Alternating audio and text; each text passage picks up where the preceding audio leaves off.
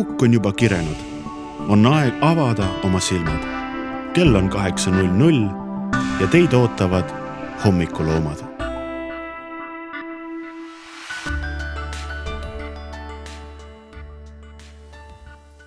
tere hommikust, Põltsamaa. minu nimi on Anett Kreitsmann ja veedan teiega täna ühe toreda hommiku et ärgata üleskoos ja nautida reedest päeva. Täna on esimene juuli ja minuga on siin kaasas ka kaassaatejuht Kristjan Silm. tere hommikust, tere hommikust kõigile. täna oli, siia sõites oli üpris äh, ilus päiksepaisteline ilm, tõotab tulla, tõotab tulla soe ja kena päev. ja kindlasti hommikutunnid meie seltsis teevad selle veel paremaks lisaks on meil oodata täna ka külalisi, meil tulevad äh, Põltsamaa Veikpargist äh, kaks äh, huvitavat külalist, kes räägivad meile meie tegemistest ja Kristjan, tegelikult sina ju oled ka meil siin põhjusega, et homme, kui on lossipäevad, siis võib sind sealt lavalt leida. mille raames sa lavale astud? õhtu toimub selline pidu lossipäevade raames, äh, nagu selleks on rahvapidu. ja, ja seal esinevad äh, siis koos äh, Justamendiga ka ansambel Inerts, mille solist mina olen selle algusest saadik juba olnud. meil on, tegelikult on meil palju liikmeid, aga üks, üks osa sellest jõuab ka, jõuab ka seekord lavale. repertuaar on väga mitmekesine, kõik saavad endale midagi, mida, mida kuulata ja, ja tantsida saab kindlasti ja, ja see järjepidev üritus äh, ja tantsupidu kestab siis kella kaheteistkümneni vähemalt välja. et, et, et see on, see on asi, mida täna kindlasti vaadata. kui suur hommikuinimene sa muidu ise oled, kas täna hommikul oli sul siin raske ärgata? halb äh,, halb hommikuinimene ma pigem olen ikkagi õhtu, lõunainimene töö mõistes olen ma ööinimene. hommikud on sellised äh,, mul on väga oluline, et võib-olla see, et see kaheksa tundi saaks täis magada, sest et see annab nagu sellise erinevuse selleks äh, päevaks. et, et kui on väga varajane ärkamine, siis, siis äh, tihtipeale on terve päev natukene nagu raisusoosati. just vastupidiselt äh,, sihuke paradoksaalne, on ju et äh, kuigi kell kuus ärgates sul on rohkem aega, siis kokkuvõttes, kui sa oled väsinum, siis, siis selle ajaga ei ole nagu midagi teha. aga mis siis aitab selle hea hommiku üles äratada, kas sa oled kohviinimene, kas sa oled raadioinimene või mis see teeb selle hea hommiku, kui ikkagi peab ärkama varakult, nagu näiteks täna? tuleb õigel ajal magama minna kõigepealt, aga suvel on, suvel on kindlasti väga oluline, on jahe tuba. see aitab alati hommikuti värskena hoida kaheksateist kraadi on äh, une jaoks täpselt sobilik äh, temperatuur, mida täna võib-olla saavutada on täiesti võimatu. aga sinna ligilähedale kuskil proovige võimalikult alla oma temperatuur saada, öösiti on üsna jahe, et, et ehk öösel aknad lahti ja, ja päeval aknad kinni, et selline, see nagu toimib päris hästi. et, et see tagab ka hea une tarbige palju vett ja, ja nii edasi, et, et need on nagu sellised märksõnad, mis võiks äh, hea une jaoks olulised olla aga hommikul siis mõni kiirem lugu või, või kuidas sellega? no loomulikult äh,, rütm peab olema kiire ja selle, see tuleb äh, kindlasti kasuks, kui, kui hommikul autoga tööle sõites või veel parem, siis jalutades tööle äh, saad sa näiteks kõrvaklappidest või autoraadiost kuulata just midagi sellist, mis annab päevale hea sellise aluse kui sa saaksid valida ühe loo, mis oleks sinu hommiku tunnuslugu, et äh, mis see oleks? see on täpselt selline, selle loo nimi on Happy. on, äh, ma ei tea, teaduslikult tõestatud ei ole, et ta oleks maailma parim ja lõbusam lugu äh, minu teada. aga tõepoolest selle loo kuulamine on täpselt see, mis annab hea tuju absoluutselt nii hommikul, õhtul kui, kui lõuna ajal, et et seda lugu tasub, tasub kuulata ja see on alati selline hea punkt sellele. ja algus igale peole ja algus igale päevale. aga proovime selle siis ära, head Põltsamaa inimesed ja kõik teised kuulajad, kes te kuulate meid ka interneti vahendusel, poltsamaaraadio.ee siit tuleb Happy Pharrell Williamsilt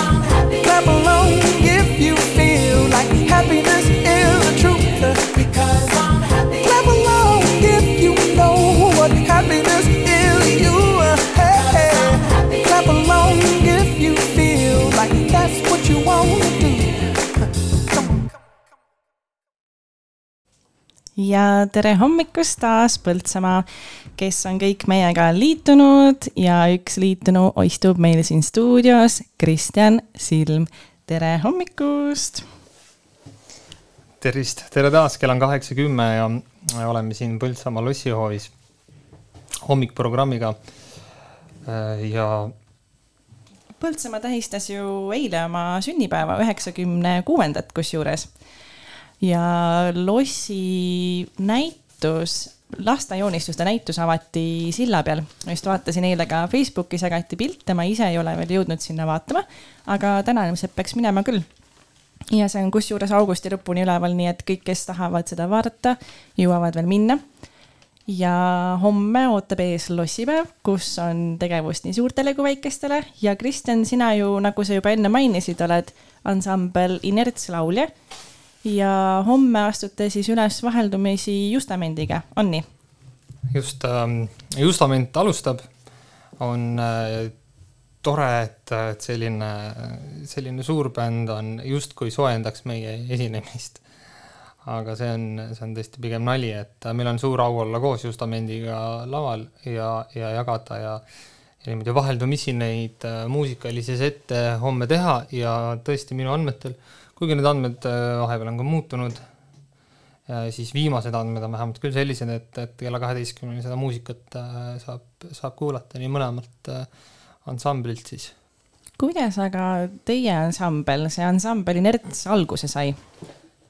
Inertsi alguslugu on võrdlemisi traditsiooniline selles osas, et, et meie kohtusime kõik Tartus tudengitena ja, ja Tartu tudengitena me olime, sealt tuumik olid, äh, pärinesid siis Eesti Üliõpilaste Seltsist, äh, siis mina, kitarrist ja trummar, äh, Pikani, Hans-Christian Pikani ja Karl Anton ja, ja siis mina olime Eesti Üliõpilaste Seltsist. Ja, ja noh, kuna seal seda materjali palju tegelikult oli algselt ka bassimees meil seltsi liige, nii et äh, no tähendab, ta on siiamaani, aga, aga ta enam nii aktiivselt bändis just ei osale. ja, ja, ja selline kooslus oli võtta, täpselt sama aasta väljalaske poisid enam-vähem ja, ja kõigil tahe muusikat teha. mis see aasta oli siis, mäletad peast? aasta oli kaks tuhat, äh, kaks tuhat kolmteist. päris ammu, jah. ja siis see niimoodi idee idanes, mõtlesime, et teeme mõned soolokontserdid ja, ja, ja täpselt äh, esimene esi, esinemine oli meil Atlantises. Atlantise üleval restoranis, vähendatud koosseisuga. see on Tartu linnas siis? see on Tartu linnas ja see on äh, ajalooline maja Emajõe Ateena kaldal, kõik teavad, kus asub Atlantis kindlasti ähm,. seda, seda on raske mitte märgata Kaarsilla juures, ta Raekoja platsist täpselt üle. ta siis asetseb ja ja vähendatud koosseisus me teile tegime. Natukese aja pärast, äh, pärast pikki ja raskeid proovikatsetusi äh, andsime ka täispikka kontserti, kunagi selline muusikalokaal nagu Feel Good Music äh, Cafe. Ja seal sai meie esimene, see esimene siis niisugune suurem ülesastumine teoks. pärast seda läksimegi edasi tegelikult juba nii-öelda peobändina. Äh, ja, ja saime ka noh, kõige suurem võib-olla selline tõuge oli, oli äh, püssiroo keldris mängimine.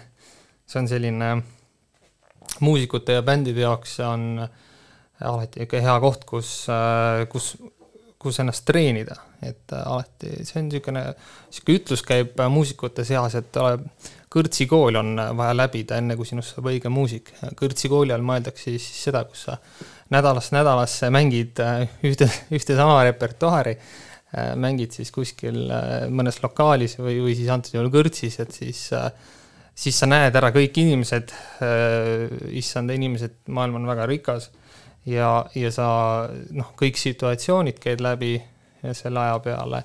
Ja, ja ka muidugi suudad ka kõik oma muusikalised eksimused siis lavanärvist ja kõik muud sellised väiksemad ja suuremad vead likvideerida mis need äh, sellised võib-olla kogemused on, mis siis äh, laval seal kõrtsikoolis võib-olla läbi on elatud, et kas on mingid huvitavad kuulajad olnud, kes ronivad lavale või, või, või midagi sellist ei ole olnud?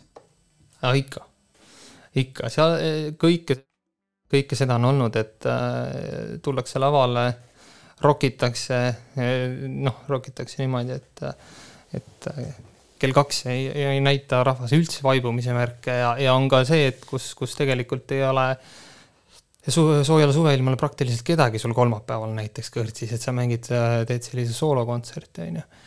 ja, ja mis, mis ka oleks ilmselt mõne, mõnele muusikule võib-olla selline, ma ei tea, kas pettumus või tagasilöök, aga aga neid, nendest tuleb õppida, tuleb õppidagi, tuleb õppida olla edukas, tuleb õppida ka pettuma ja nendest asjadest nagu äh, välja tulema ja, ja kõik need kogemused kokku annavadki selle nii-öelda, selle, selle vastupidavuse selle, selles maastikus mm. -hmm. päris äge, et niimoodi saab seda siis harjutada. kui palju selliseid esinemisi aastas on või pigem ei pea järge? sa mõtled nüüd neid äh, samuseid kõrtsimänge? üleüldiselt üleüldist mänge.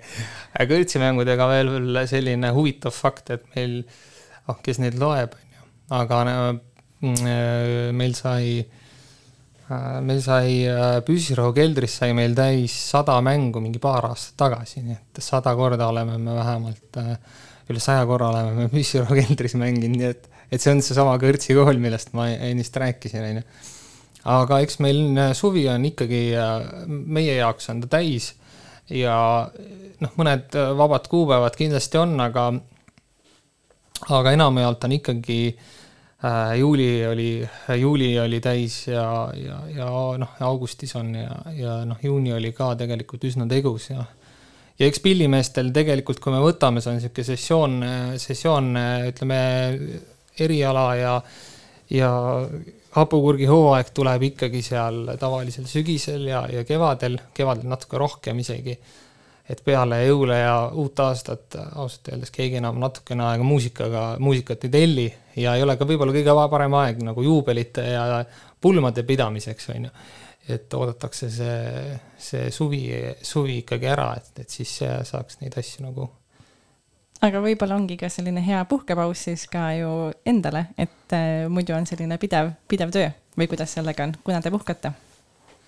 see on hea küsimus, tegelikult me ei puhkagi miks me ei puhkagi, on sellepärast, et me kõik käime oma põhitööl ja keegi, okei okay,, ma võib-olla eksin siin, meil äh, äh, mõned pillimehed siiski, siiski on ka põhitööna seda võtnud, aga, aga see on, see on äh, see on nende selline vabadus, mis on, tuleneb sellest, et nad on rohkem kui ühes bändis. et, et see muusikuna on võimalik ära elada, aga, aga mitte ainult ühes bändis tingimata, või noh, seda ka, aga lihtsalt siis sa pead olema piisavalt äh, piisavalt populaarne ja võib-olla piisavalt äh, suutma või saama küsida ka selle eest tasu. aga liikmete arv, kui palju teid äh, bändis lava peal on või erineb see koosseis teil aeg-ajalt? sest et äh, mina olen küll käinud teil erinevatel esinemistel ka varem, et siin Põltsamaal see selles mõttes mulle esimene ülesastumine ei ole, mina väga ootan seda. aga kuidas teil on, kui palju teil on lava peal liikmeid? ma vaatan, et sa hakkasid kohe lugema, et tundub, et päris palju ega sa ei pea mulle täpset arvu ütlema, ütle mulle umbes. ei, ma võin öelda ka täpse arvu, mingid äh,, meil on, meid on kaheksa on meid kokku põhikoosseisus ja ja no muidugi meil on olemas ka veel sellised varud, nagu meil on äh, võimekus äh, saksofon ja, ja, ja sinna mingeid lisapille oleme me kaasanud äh,. mitu kitarri on meil on, meil on ikka laval olnud ka üle kümne. et selles mõttes äh, las see jääb saladuseks, palju meid homme kohale tuleb, on ju. et, et siis seda näeb ikkagi äh, koha pealt, äh, aga, aga meid on jah, jätkuvalt ka seal äh, rohkem kui tavalises bändis. ma ütleks, et me saaksime panna peaaegu kaks niisugust tavalist bändi ja nelja mehe bändi kindlasti kokku ühest, ühest ülesastumisest. ehk siis te teete päris muusikat, et laval on päris laul päris äh, pillimäng, et ei ole päris niimoodi, et äh, kuskilt äh, nupust vajutatakse tööle ja taustal käib mingi tümps. just, just, kõik on haritud pillimehed, haritud muusikud. ja, ja lõpetanud nii Ellerit kui, kui Otsa koolid ja, ja ka meie trummar õpib, õpib ka tegelikult, no tähendab, mitte ainult trummar, aga on ka, on ka Viljandi Kultuuriakadeemias omandanud oma teadmisi. meil on üldse selline väga akadeemiline seltskond, nagu ma ennem rääkisin, siis me enamus saime kokku ju ülikooli ajal, mis, mis eeldab, eeldab siis nagu mingil määral ülikooliga seotust ja, ja, ja kõik on ka mingil määral selle teekonna lõpetanud. noh, näiteks solistidest on meil kaks täiesti praktiseerivat arsti siin Eestis. et sellel maastikul on meil Elisa Seeder, kes on siis anestesioloog ja, ja, ja siis äh, lisaks veel on meil Ann Maser, kes on äma, mitte ämmaemand, vaid lastearst või, või sünnitusarst, siis ütleme niimoodi. kuidas õigem on, ma kahjuks, kui ma eksisin, aga mõlemad, mõlemad on kuidagi arstiks äh, sattunud ja, ja Tea, meie kolmas solist, on äh, arhitekt üldse. ja ma ise olen ju, olen tegelikult hariduselt ju sotsioloog aga ma arvan, et see, milline on äh, lugu, sellest me saame veel rääkida, aga võib-olla laseks siis kõigile kuulajatele mõne väikse ampsu, et äh, millist muusikat te teete, et võib-olla mõni selline äh, tantsulisem, et kes siin hommikul ärkab, saab teha mõned tantsukeerud köögis, et mis see olla võiks? äkki Tühjad pihud, mis sa sellest arvad? jaa, ei tingimata on Tühjad pihud on üks väga-väga kihvt Gunnar Krapsi lugu mida mulle, ma ei teagi täpselt, kui kaua me oleme seda, seda Repsis hoidnud, seda on salvestatud, seda on käinud teles mängimas. et äh, see on üks selline, noh, Gunnar Kapsil üldse on väga palju head loomingut ja ta on väga andekas laulja oli. ja, ja tema, tema loomingut laulda on ikkagi selline privileeg ja teatav selline aukartus, nii et seda peab tegema äh, noh, selles mõttes, et hoides lippu kõrgel ja, ja suurema valmidusega, nii et ma loodan, et see inimeste, inimeste ootustele vastab. väga hea, kuulame siis seda lugu äh, ansambli Inerts esituses sel korral ja Tühjad pihud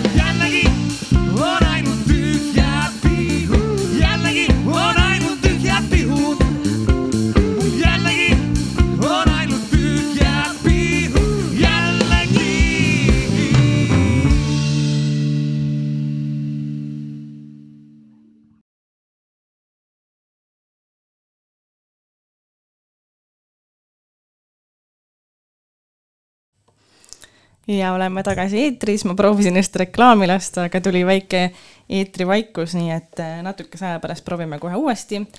aga tere hommikust, Põltsamaa taaskord, taaskord, kell on nüüd juba kaheksa kakskümmend kuus ja oleme eetris täna siin Põltsamaa lossihoovist, kus on Põltsamaa raadiostuudio. kõik, kes äh, siin lähipiirkonnas elavad, saavad seda kuulata ka raadio vahendusel kus on siis äh, üheksakümmend koma kaheksa ja muidugi ka interneti vahendusel. Äh, minuga on täna siin saates külas Kristjan Silm, kes on ansambel Inerts äh, solist. ja keda me täna veel ootame siia stuudiosse? täna tulevad meile veel külaliseks sellise huvitava spordiala nagu wakeboardi asjatundjad, võime julgusega öelda, et tõepoolest Põltsamaal selline võimalus on olemas äh, ennast äh, siis treenida äh, wakeboardi sõitjaks. ja täiesti on selline, selline asi on Põltsamaal olemas, mida tegelikult, mis on üsna, üsna haruldane minu jaoks või üsna huvitav teadmine. et, et Tartus ma kardan, et vist Anne kanalil on selline sarnane võimalus olemas aga no Tartu suuruse linna kohta on, on see, see on kindlasti üks, üks võimalus ainult, on ju, et et äh, neid rohkem ei ole. Ja ma Tallinnas üldse ei tea, kas on, et äh, kas sina need tead, ma ei, ma ei, ma ei oska öelda, minu arust on see üpris haruldane ja, aga samas üpris populaarne spordiala. ja see on, see on midagi sellist, mida võiks võrrelda võib-olla sellise äh, Kelly Sildaru efektiga, et, et need on, need on mingisugused spordialad, mida mida me ei märka enne, kui me vaatame, et meil on järelkasvanud äh, väga tugev äh, noorsugu, kes äh, nendest spordialadest lugu peab ja, ja, ja neid arendab ja, ja ka mingisuguseid selliseid paremaid kohti saavutab ja siis tekib järsku, järsku huvi selle vastu, et et Kellit oleks võinud ka ju tunduvalt varem hakata juba toetama ja tema eluteed selles mõttes mõjutama ka äh, ütleme nii, sportlik äh, riik, institutsionaalsel tasandil või siis riiklikult toetada seda spordiala rohkem, on ju, et et need alad ei, ei kuulu olümpia, siis toona ei kuulunud olümpiaalade sekka, nii et seal on omad toetusmehhanismid ja ja seetõttu kõik nagu magasid selle Sildaru laeva maha justkui alguses. Mm, aga toetusmehhanismidest rääkides, sa enne ütlesid, et muusikat teed sa nii-öelda hobi korras, igapäevaselt töötad sa aga tegelikult äh, samamoodi, saab öelda natukene toetusmehhanismi valdkonnas. et äh, Tartu Kultuurkapitali juhataja vist oled sina, kui ma nüüd ei eksi, on nii? Äh, just täpselt, töötan ju Tartu, Tartu Kultuurkapitali juhatajana, mis Tartu Kultuurkapital kui selline on üldse äh, toona, kui ta loodi, oli Eestis ainulaadne, ainulaadne toode.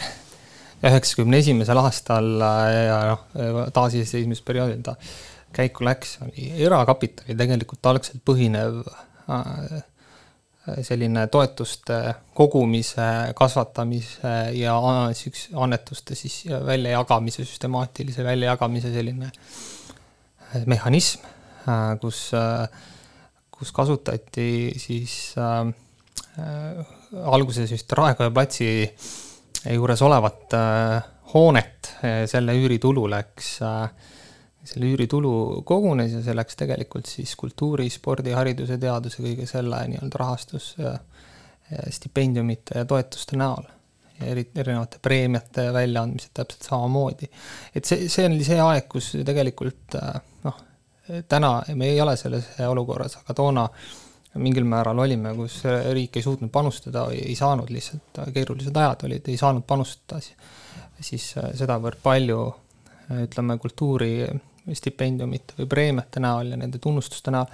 ja, ja seega tuli nagu erakapital seal appi ja, ja see on senimaani püsinud traditsioon tegelikult ja sihtasutus on, on tegutsenud juba ju, ju kolmkümmend aastat, et, et selles mõttes on märkimisväärne aeg, kus on antud, antudki aastate jooksul miljoneid eurosid tegelikult äh, toetusi välja ja, ja osa nendest äh, ja suur osa nendest toetustest on tulnud äh, mitte avalikust sektorist, mitte riigilt, mitte omavalitsuselt, vaid ka ikkagi eraannetajatelt ja kohalikelt ärimehelt, nii et see on selline kogukonna projekt, see on tegelikult kogukonna, kogukonna kultuuriliste projekti eesmärkide täitmiseks loodud selline sihtasutus. aga millised siis on need teemad võib-olla, millele küsitakse neid stipendiume, et kas need on ainult sport või, või mis sealt sisse küsida saab? Me käsitleme kõiki seitset, ütleme sellist äh, kultuurivaldkonda, mida, mida liigitatakse kõik või koondatakse, tähendab ühte, ühte hulka. et alustades äh, näitekunst, maalikunst, meil on äh, haridusteadus, meil on rahvakultuur, sporti, et, et me kõik need, kes mul jäi helikunst mainimata hästi, et kõik need valdkonnad on esindatud ja tegelikult äh, meie eesmärk ongi see, et meil ei tekiks ühtegi sellist auku kuskile sisse, et, et, et kõik äh, inimesed, kes soovivad ennast ühel või teisel viisil väljendada noh, kogukondlike eesmärkide või, või miks mitte ka individuaalsete eesmärkide täitmiseks, esindavad mingil moel linna või, või riiki, näiteks spordivõistluste valguses, siis siis neid me loomulikult proovime toetada ja, ja, ja siin nagu selles mõttes äh, Äh, noh, oleme dünaamilised, läheme ikkagi nende toetuste mehhanismide täiendamisega ka ajaga käime ikkagi kaasas ja, ja kui tekibki näiteks nagu samuti see wakeboard või, või mõni muu spordiala ilmub areenile, siis, siis ka selle muutusega tuleb kaasa, kaasa tulla, et, et ei saa jääda kinni oma legendaarsetele, ainult legendaarsetele kergejõustikuspordialadele võib-olla või siis, või siis ainult muusika puhul, ma ei tea, klassikalise muusika, et tuleb võib-olla sihukest äh, arvestada ka teiste muusikastiilide äh, imbumist ja seda arenemist siia, siia meie nii-öelda sellesse kultuuriskeenesse, on ju. just, just, aga ma saan aru, et äh, sinu puhul siis on ainult Tartu ja Tartu piirkonnas, kas sa oskad öelda äkki, kuidas siin Põltsamaa puhul on, kas siin ka kuskil on sarnast mehhanismi või, või ei ole sa sellega nii hästi kursis? Nii palju ma olen ikka kursis, et, et noh, üks, üks asi, milles meie erinevus ongi, et me ei ole riiklikult ja riigi seadustega fikseeritud kultuurkapital. meid ei käsitleta seaduse mõistes kultuurkapitalina, et see on, see on selline oluline erinevus, sest et kultuurkapitalil on oma vastu võetud seadus. seda juhib Riigikogu tegelikult ja Riigikogu valib ka enda seast sinna nõunikud kinnitab ja või tähendab nõukogu ja nõukogu valib omakorda juhatuse ja nii edasi ja nii edasi. et see on tugevalt seotud äh, riigiga ja ta on seadustega sätestatud ka, siis meie oleme selles mõttes ikkagi ainult kohaliku omavalitsuse sihtasutus. meil küll on seesama süsteem toimib täpselt äh, kohaliku omavalitsuse tasandil, et kohalik omavalitsus valib enda esindajad nõukokku, nõukogu valib juhatuse ja nii edasi, aga aga nad on riiklikust äh, lahus, ühesõnaga selle taustinfo, selle bürokraatliku taustinfo mõte oli see, et on olemas äh, suur kultuurkapital, mille nimeks on Eesti Kultuurkapital. ja siin on olemas erinevad sellised maakondlikud üksused. E, ja iga maakondlik üksus tegeleb oma piirkonna kultuurisündmuste ja, ja kultuuri, ütleme siis elu äh, arendamisega, on ju. et ja jagab stipendiume nendes konkreetsetes piirkondades et, et noh, ma ütlengi, et Jõgevamaal on oma, Tartumaal on oma, et, et meie, meie Tartu Kultuurkapital ei välista ka seda, et see, et Tartumaa ekspertgrupp ja täpselt niimoodi neid kutsutakse, ekspertgruppideks ei, ei annaks siis toetusi näiteks Tartumaa inimestele, et, et need üle-eestilised võimalused on maakonniti olemas, et vahendid on olemas, nii et kindlasti minge Eesti Kultuurkapitali, Eesti Kultuurkapitali kodulehele ja vaadake sealt, äkki te leiate midagi, mis vastab ka teie ootustele ja saate oma kogukondlikele projektidele võib-olla natuke rohkem raha. aga kindlasti teine variant on veel olemas äh, kohalik omavalitsus. Äh, Tartu seda, Tartu seda teeb, Tallinn äh, vist ka, vist ka, sellepärast et ma ei ole faktiliselt kindel, kas see nõnda on, aga Tartus ka kohalik omavalitsus toetab kultuuriprojekte ja suursündmusi ja, ja Tartus on ka tulemas, kaks tuhat kakskümmend neli on saamas Tartust kultuuri pealinn, nii et, et Tartu on oma kultuuri, ütleme sellise eestvedamisega äh, võtnud küll selle esipositsiooni ja, ja siis äh, esirindlikult seda kultuurielu seal edasi viib, nii et äh, see on nagu, see on nagu midagi, mis ma arvan, et Tartu linnana võib-olla silma paistab, aga ma arvan, et ka Põltsamaa väga laialdase kultuuri ja ajaloolise taustaga võiks, võiks nagu olla eh, umbes täpselt sama, sama heal järjel ja võiks täpselt samamoodi seda kultuuri eh, siin nagu rõhutada. ka siin praegu siin, kus me stuudios oleme, Lossi varemetes, siis, siis see on nagu, no see on unikaalne, ajalooline selline, ma ütleksin, monument see on, see on midagi, mida võiks võib-olla rohkem kasutada, minu hinnangul võiks seda nagu rohkem kasutada. aga, aga ma näen, et siin mingisugused restaureerimistööd käivad juba ja, ja mulle meeldib, et et see on nii-öelda taasavastatud, vana ja, ja sellest ärge kindlasti loobuge. et, et see on midagi, mis, mida ma kujutan ette, et tullakse ka Helsingist ja, ja võib-olla Riiast vaatama ja, ja noh. ma arvan kaugemaltki. ja, ja võib, ja täpselt, et ja võib-olla isegi kaugemalt, on ju. et see võib olla midagi, mis tõmbab Euroopa turisti ja, ja mis võiks huvitav olla ka, ka ütleme, kohalikule turistile, on ju. et need kaks, need kaks sihtgruppi võiks nagu kinni püüda sellesama lossiga ja kasvõi nende samade lossipäevade raames. just aga kui sa nüüd, eh, noh, ma ei tea, kas sa oskad mulle niimoodi välja tuua mõndasid trende, et kas see, mis oli meil siin koroonapandeemia vahepeal, kas see kuidagi kultuuri aktiivsuselu ka muutis või pigem ikkagi püüti sel ajal ka olla aktiivsed ja teha asju, et kuidas nende stipendiumite taotlemisega oli, kas kohe oli näha langust ja nüüd on jälle tõusuteel või oli kogu aeg ikkagi kultuurielu vähemalt elav? Ei, siin tegelikult oli ikkagi teatav langustrend, tõepoolest oli, oli märgata. aga noh, enamjaolt see oli tingitud äh, piiride sulgemisest ja, ja, ja need olid mobiilsusstipendiumid, mille hulk vähenes. et, et, et kui ikkagi inimene plaanis minna kasvõi Euroopa-siseselt kuhugi reisima või siis väljaspool Euroopat, siis see ei osutunud võimalikuks ja noh, ei olnud ju mõtet ka, noh, ütleme teisel aastal sa enam võib-olla nii äh, ei lootnud, et võib-olla talvel lähevad piirid lahti, et, et tegelikult äh, alguses oli võib-olla rohkem sellist äh, optimismi, aga nüüd äh, ütleme, teisel pandeemia aastal juba kogunes sellist äh, know-how'd või teadmist, et et kuna on mõtet äh, enda reise sättida ja kuna võib-olla see, see kõver jälle allapoole suundub, et, et, et, et need, ka need piirid lahti oleksid rohkem ja et nendest piiridest äh, nendest lahtiolekutest äh, neid saaks maksimaalselt ära kasutada. et ütleme nii, et esimene ehmatus äh,, esimene ehmatus ei olnud nii suur, sest olid optimistlikud ja, ja ütleme, järelkaja oli selline, et, et siis võib-olla inimesed rohkem olid hoolsamad. aga see mõjutas jah, pigem seda kohalikku kultuurielu sealjuures. väiksed kultuurisündmused kindlasti toimusid ja noh, eks seal oli see piirangute moment ka juures, et, et, et kui palju võis olla ja, ja millistes ruumides või, võis üldse erinevaid äh, Äh, sündmusi nagu viia läbi, et, et see on, see kõik sõltus ja eks see oli keeruline aeg, nende jaoks rohkem kui meie jaoks, et äh, tähendab, kultuurikorraldajate jaoks oli see, oli see keeruline aeg. et, et mitte, mitte niivõrd Kultuurkapitali jaoks mm. -hmm.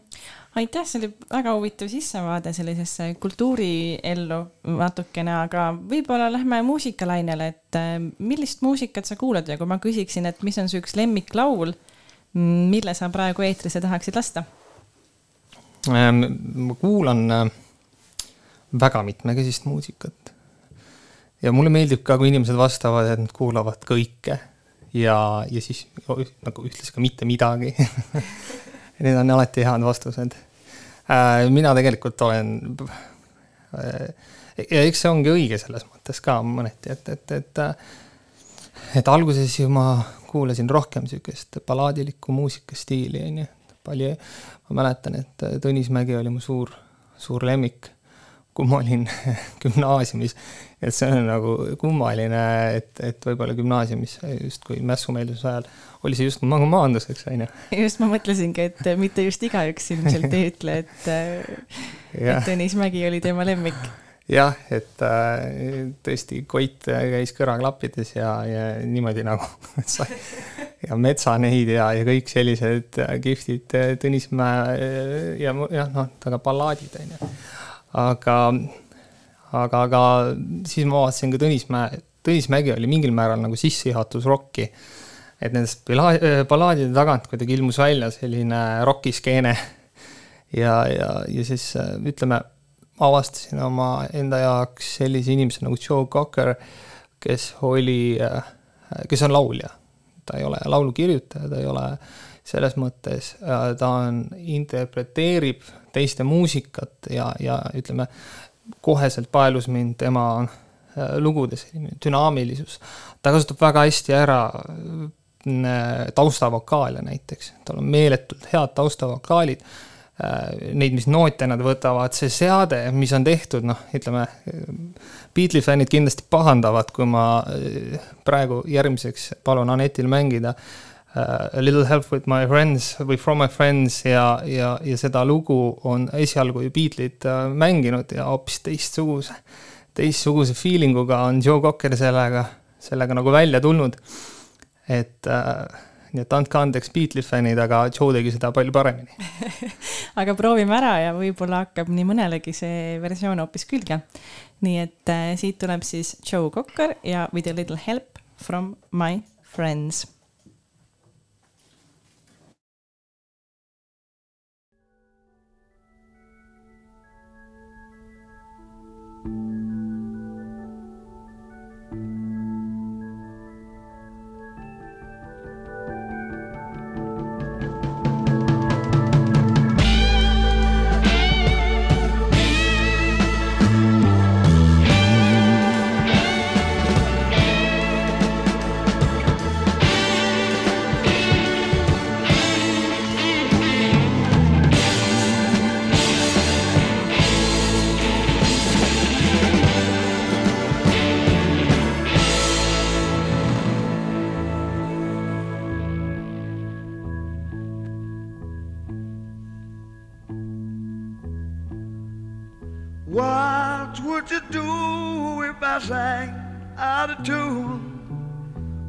stand up and walk out on me. Lend me your ears and I'll sing you a song. I will try not to sing out of key. Yeah. Oh, baby, how you vot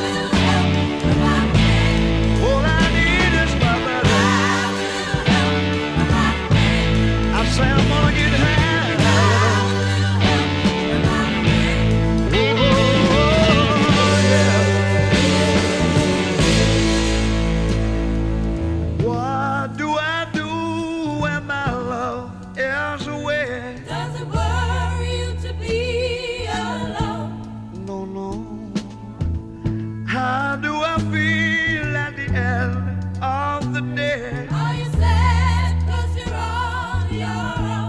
I tear down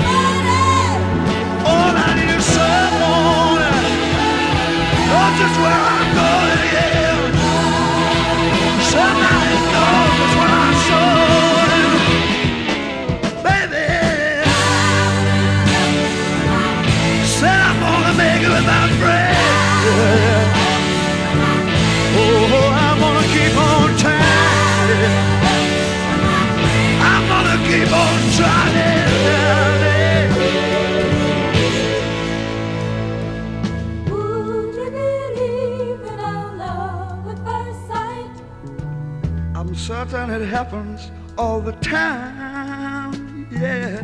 What do you see when you turn out the light? I can't tell you, but it sure feels like madness.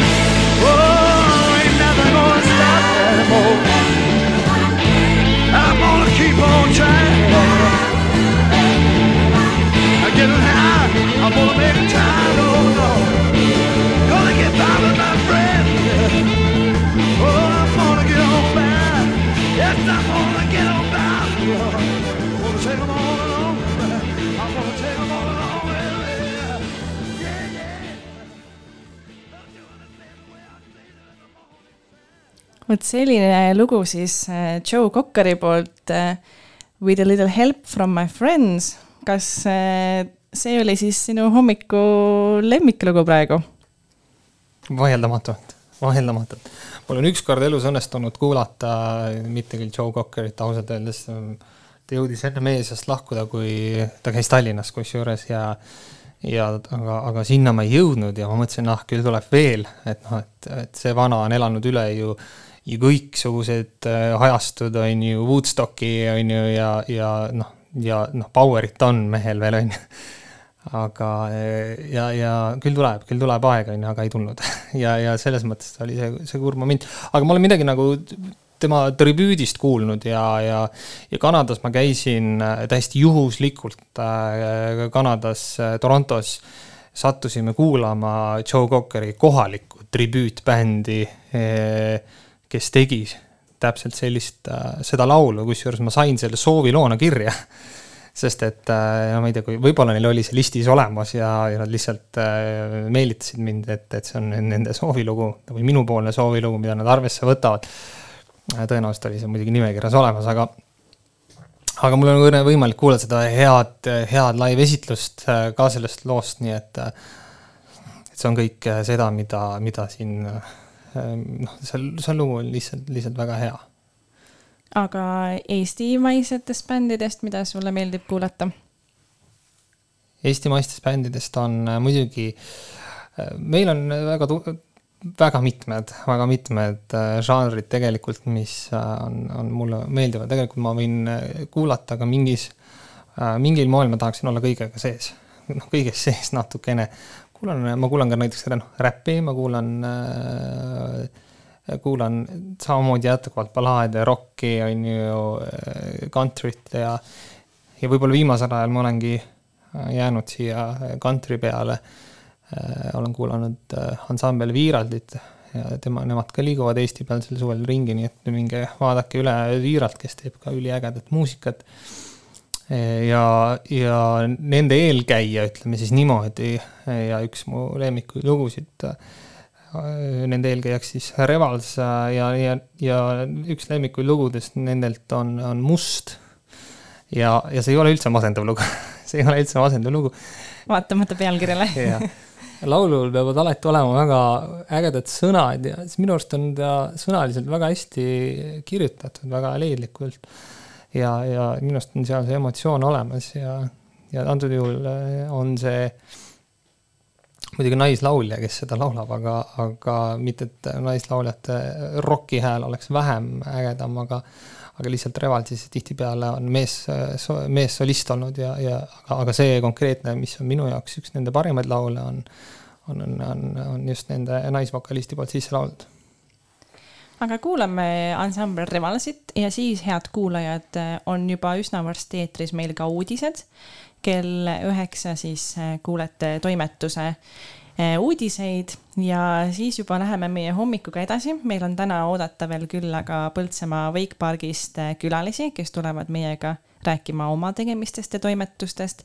ja kindlasti meil jagub siin palju põnevat juttu veel. aga praegu siis Revals ja must.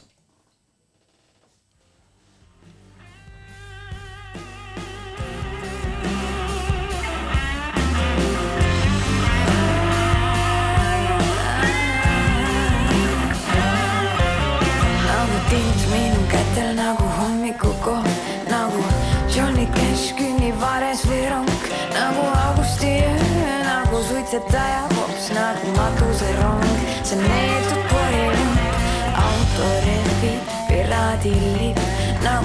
sabat või asfalt või leinalind nagu sabakuup või Pirati jääb sind nagu ülikond, see ainus tõrvakülg.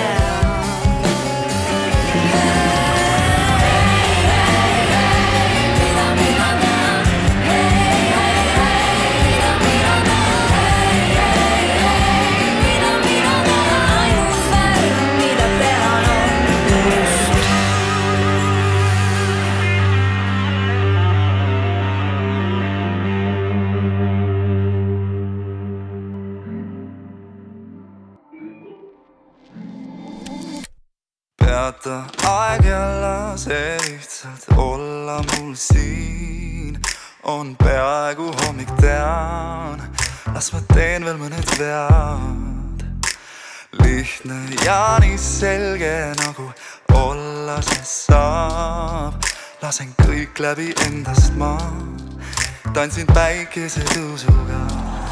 sa ootad seda hetke, kui ma otsuse teen, kui klaase võime kokku lüüa korra me veel, kuid siis.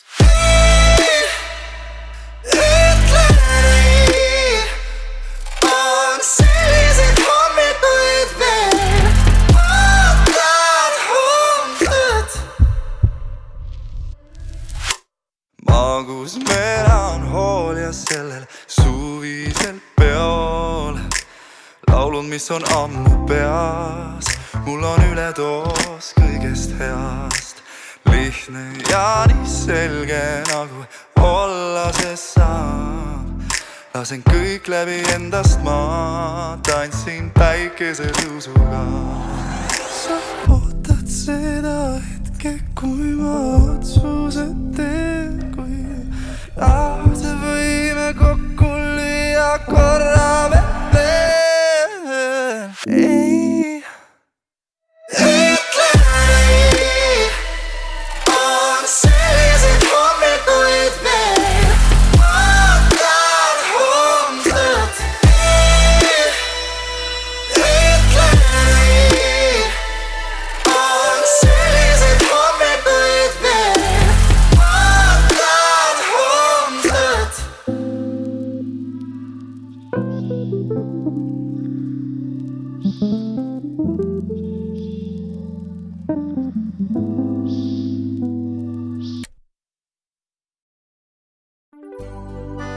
Juustu kvaliteet sõltub sellest, kus juustu tehakse. Põltsamaal osatakse juustu teha, seal hinnatakse kvaliteeti. Põltsamaa Eesti juust.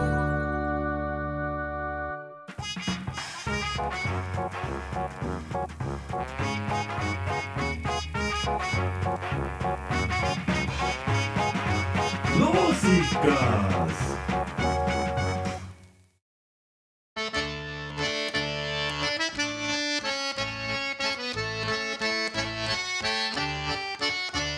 Te kuulate Põltsamaa raadiot sagedusel üheksakümmend koma kaheksa megahertsi ning internetis poltsamaaraadio.ee kas oled kuulnud Põltsamaal linna ääres paiknevast pikaaegsest ettevõttest? puitprofiil, kvaliteetsed liimpuidust akna ja ukse detailide toorikud meie kodukohast. Kell on kaheksa null null, sa istud kell ei ole enam kaheksa null null, kell on nüüd juba kaheksa viiskümmend kuus ja oleme eetris Põltsamaa raadios Hommikuloomad saade. ja õige pea on eetris ka juba uudised, aga minuga on siin stuudios täna ka Kristjan Silm. tere jälle, Kristjan tere jätkuvalt kas äh, me rääkisime enne küll sinu muusikamaitsest ja kõigest muust, aga kui suur raadiokuulaja sa ise igapäevaselt oled, kas uudiseid kuuled? või kust sa saad oma sellise päeva põhiinfo kätte, et mis toimub äh, sinu kodukandis, mis toimub laias maailmas, kas pigem surfad äh, mobiilis uudisteportaalides või kuulad raadiot?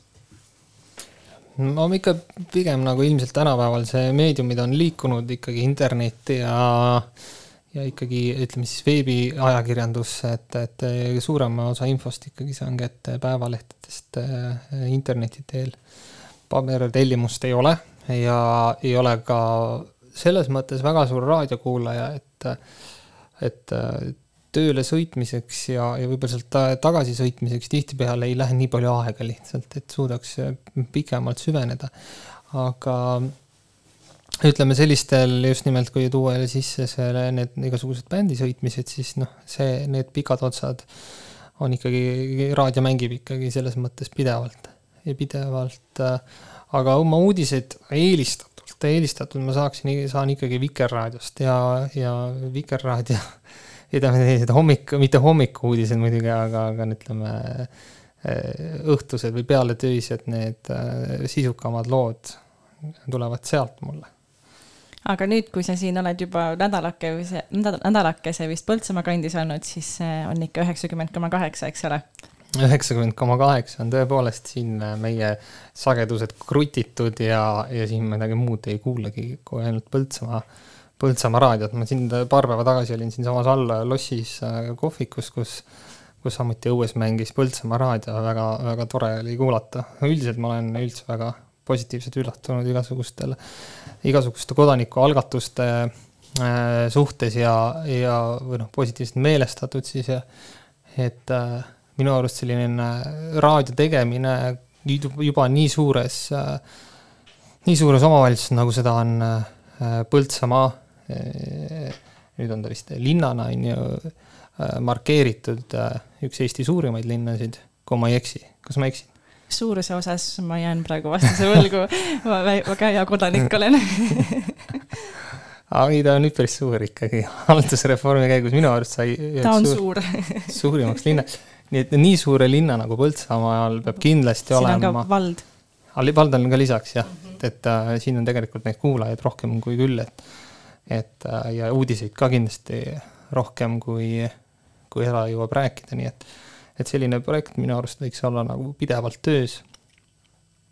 et kohalikud inimesed saaksid siit äh, ilusti seda operatiivset infot kätte ja head muusikat kuulata ja et omad inimesed teeksid siin, räägiksid oma asja, on ju, et. eriti head muusikat täna, kus saab ise valida kõik oma lood, mida kuulata. ja et... täpselt aga jah, eks see muusika aga on jah, nagu. ongi ka märkamatult kell üheksa saanud, nii et kuulame siis need kohalikud uudised ära ja siis jutustame teiega koos edasi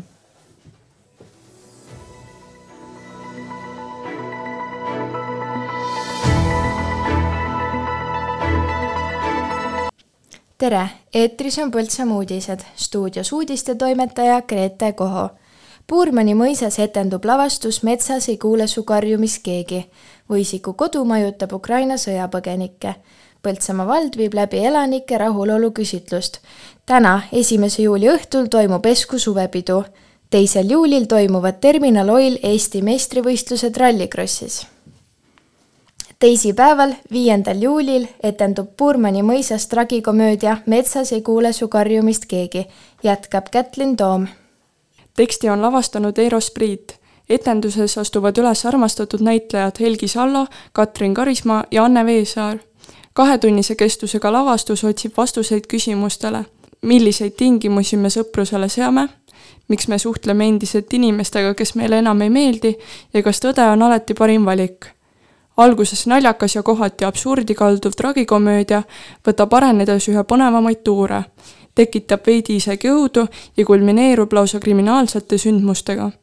pääsmeid saab osta piletimaailmast ja koha pealt AS Hoolekandeteenused avas alates kahekümne esimesest juunist Võisiku koduruumides Ukraina sõjapõgenike keskuse. sotsiaalkindlustusameti rahastatud keskus mahutab ligi seitsekümmend inimest. kui muidu on toad kahekohalised, siis perekondadele võimaldatakse ka suuremaid ruume pikemas perspektiivis on plaanitud üks Võisiku koduhoone renoveerida ja teha üürikorteriteks inimestele, kel on üüriturult raske elamispinda leida, räägib Võisiku kodu juht Katrin Averjanov e, plaanid on sellised, et e, hetkel on meil kümme inimest ja järjest on inimesi juurde tulemas.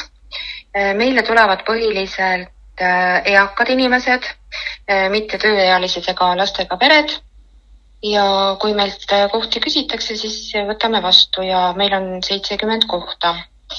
ukrainlasi või sõjapõgenikke on siia saabunud juba eh, pikemat aega ja tundub, et nad on kogukonna poolt väga kenasti vastu võetud. nii et ma loodan, et siin meile tulevate inimestega kulgeb ka kõik kenasti. Põltsamaa vald viib läbi elanike rahulolu küsitlust, mida saab elektrooniliselt täita kuni kolmanda augustini küsitluse leiab valla kodulehelt, kus täpsemalt uuritakse info kättesaadavuse, valla juhtimise, sotsiaalhoolekande ja tervishoiu, hariduse ja noorsootöö, kultuuri ja terviseedenduse, elukeskkonna ja tehnilise taristu ning turismi ja ettevõtluse teemadel. Põltsamaa valla viimasest rahuloluküsitlusest on möödas kuus aastat, räägib abivallavanem Kristi Klaos ja, ja küsitluse tulemustel siis, siis saame sisendi, et uuendada valla arengukava ja, ja samuti annab see kindlasti tagasisidet ja suuniseid äh, valla juhtimiseks, et mis on hästi, mis halvasti, mida, mida oodatakse. sellise küsitluse oleme teinud kaks tuhat kaheksateist, kui koostasime uut arengukava ja, ja vastanuid seal oli pea üheksasada inimest, et, et loodame ka seekord sellist aktiivsust ja, ja, ja kindlasti on asjakohane nelja aasta järel teatud eesmärke ja sihte üle vaadata täna õhtul toimub Esku suvepidu, jätkab Kätlin Toom. suvepidu toimub Esku koolimaja õuealal. peol esineb artist Hunt ja tantsumuusikat valib DJ Imre Mihhailov. pidu algab kell üheksa. suvepeol on avatud ka puhvet, pilet maksab viis eurot. üritust korraldab Esku külaselts homme, teisel juulil toimuvad Terminal Oil Eesti meistrivõistlused Rallycrossis, jätkab Kätlin Toom neljas Terminal Oil Rallycrossi Eesti meistrivõistluste etapp toimub teisel juulil algusega kell kümme. võistlus toimub looduskaunil Piiroja krossirajal ja ootab raja äärde nii tulihingelisi fänne kui ka neid, kes tahavad veeta unustamatu päeva looduses koos parimate kaaslaste ja võimsate masinatega.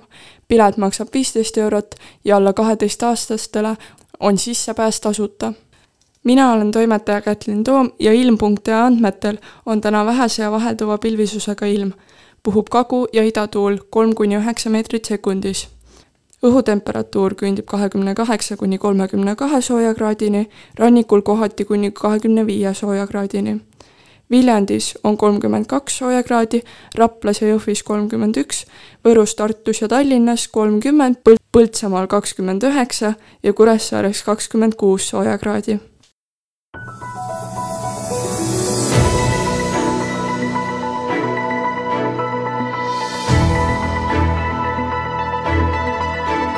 kuningas Magnus kutsub Põltsamaa kahekümne seitsmendale lossipäevale. Lossipäev toimub teisel juulil Põltsamaa kardirajal. tegevused kogu perele, käsitöölaad, lossijooks ja kultuuriprogramm, Lotte muusikatund, Kerli Padar, ansambel Groove, Selgeltnägijad ja palju muud. rahvapidu algusega kell kakskümmend null null. peomeeleolu loovad Justament ja Insert infot leiad Põltsamaa Kultuurikeskuse Facebookist. Kohtumiseni juba teisel juulil Põltsamaa kardirajal kuningas Magnuse juures. kultuur elab aganikus. viies kuni seitsmes august toimub Eesti kõige ägedam maakultuurifestival, Oisu aganiku festival päevad on täidetud põnevate tegevustega nii suurtele kui väikestele. avatud on vanatehnika näitus, lastele põhuala, saab näha ehedat rehepeksu, lüpsta lehma, teha võid ning palju muud põnevat põhulaval astuvad üles väikeste lõõtspillide ühing, Puuluup, Curly Strings, Sänni Noormets, Amor Trio ja teised. kuuendal augustil võõrustavad Oisukandi inimesed külastajaid Oisukandi hoovipäeval. piletid müügil Piletilevis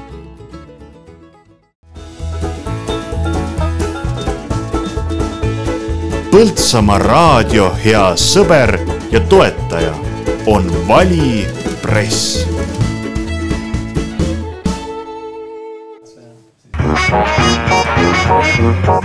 täna õhtul kell kuusteist kolmkümmend loosikasaade. et võita, jälgi Põltsamaa raadio sotsiaalmeediakanaleid nii Facebookis kui ka Instagramis.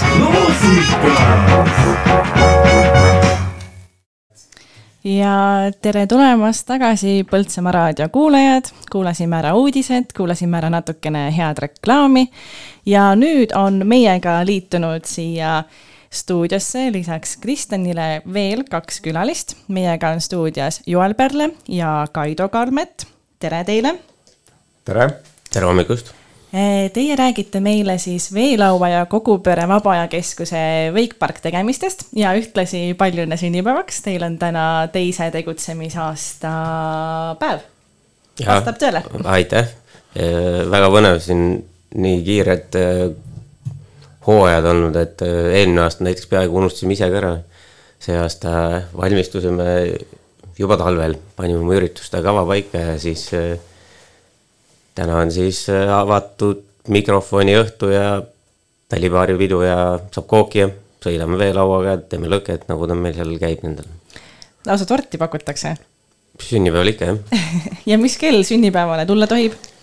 Ehm, kas või kella kaheteistkümnest aga pidulik minut on üheksateist null null kuni üheksateist null üks. siis sealt edasi hakkame siukselt vaikselt vaatama, seal on äh, mõned esinejad on ja, ja siis jagame kooki ja, ja siis pidutseme aga tegelikult ju üks suur sündmus, mis teil veel lisaks sünnipäevale suvel tulemas on, on Eesti meistrivõistlused augustikuus. Millest te siis oskused proovile panete? Äh, veelauasõidus Eesti meistritiitlitele ehk siis võetakse mõõtusele, kes on hooaja jooksul kõige kõvemini vaeva näinud, kõige tublim olnud ja võitjad lähevad koju rändkarikatega, mis meil on päris ägedad et kahel hooajal oleme seda siin Põltsamaal veepargis pidanud ja siiamaani on täitsa tore olnud. tuleb ka see aasta. Kaido, kuidas sina meistrikatega seotud oled, kas lähed ise laua peale või paned äh, käe külge, aitad korraldada? mina olen seotud oma, oma kasvandiku kaudu, et, et, Tauri sõidab seal ja, ja, ja siiamaani on päris hästi läinud loodame, et läheb ka see aasta hästi. et ma ise lauda alla ei pane küll jah. ma kogu aeg mõtlen endale, et, et oleks ma siukene kolmkümmend aastat noorem, et ilmselt ma elaks, elaks ka seal veepargis noh, et praegu, praegu, praegu seda vist asju, neid asju nagu ei tee, mis, mis, mis seal tehakse aga mis seal meistrivõistlustel siis tegema peab, ütleme nii, et kas ütleme, kui mina, kes ma pole veel, veel sõitnud äh, veelauaga, kas ma saaksin hakkama või pigem ikkagi peab tulema sinna ettevalmistunud sportlane? Nemad, need on vist ikkagi lahtised meistrivõistlused, eks ole, et äh, võivad minna kõik, kes tahavad. Ma olen aru saanud, et, et, et sinna siis lähevad sellised kes lihtsalt proovivad, kuidas, kuidas, kuidas äh, välja tuleb ja kuidas õnne on. et kui, kui on julgust, ei ole keelatud peale minna. võiks olla olemas niisugune elementaarne sõiduoskus, et sa stardist minema saad, kuigi on äh, võistlusnärv vedanud alt ka kangematel sellidel ja pandud risu seal niisugune üsna raja alguses, nii et võimalik, et teed päris headele tegijatele ära, kui närv vastu peab. eelmine aasta vist oli üks tütarlaps, kes kes on noh, tegelikult on nagu sõitja, on ju et meistrivõistlustel antakse sulle kaks ringi. just.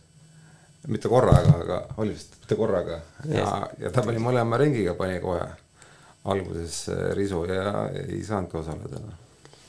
ehk siis äh, pigem oleks tark tulla enne harjutama noh, eks ta mõistlik on päris uue ala meistrivõistlustele peale minna, võib-olla on üllatusmoment natukene liiga suur, aga aga elus on kõige suurem väärtus kogemustel, nii et ükskõik mis asendis on okei okay,, ma arvan aga selle kahe tegutsemisaasta jooksul, eh, kui palju te olete näinud eh, selliseid, kes siis ongi tulnud proovima ja leidnud sellest sellise oma, oma spordiala, et enne Kristjan tõi siin välja, et selle wakeboard'iga on võib-olla natukene selline Kelly Sildaru efekt, et alguses keegi väga Eestis ei teadnud seda või noh, ei, ei harrastatud nii laialt, aga kui võimalusi tuli, kus seda teha, et siis tuli ka tublisid tegijaid juurde, et kas on jäänud silma selliseid?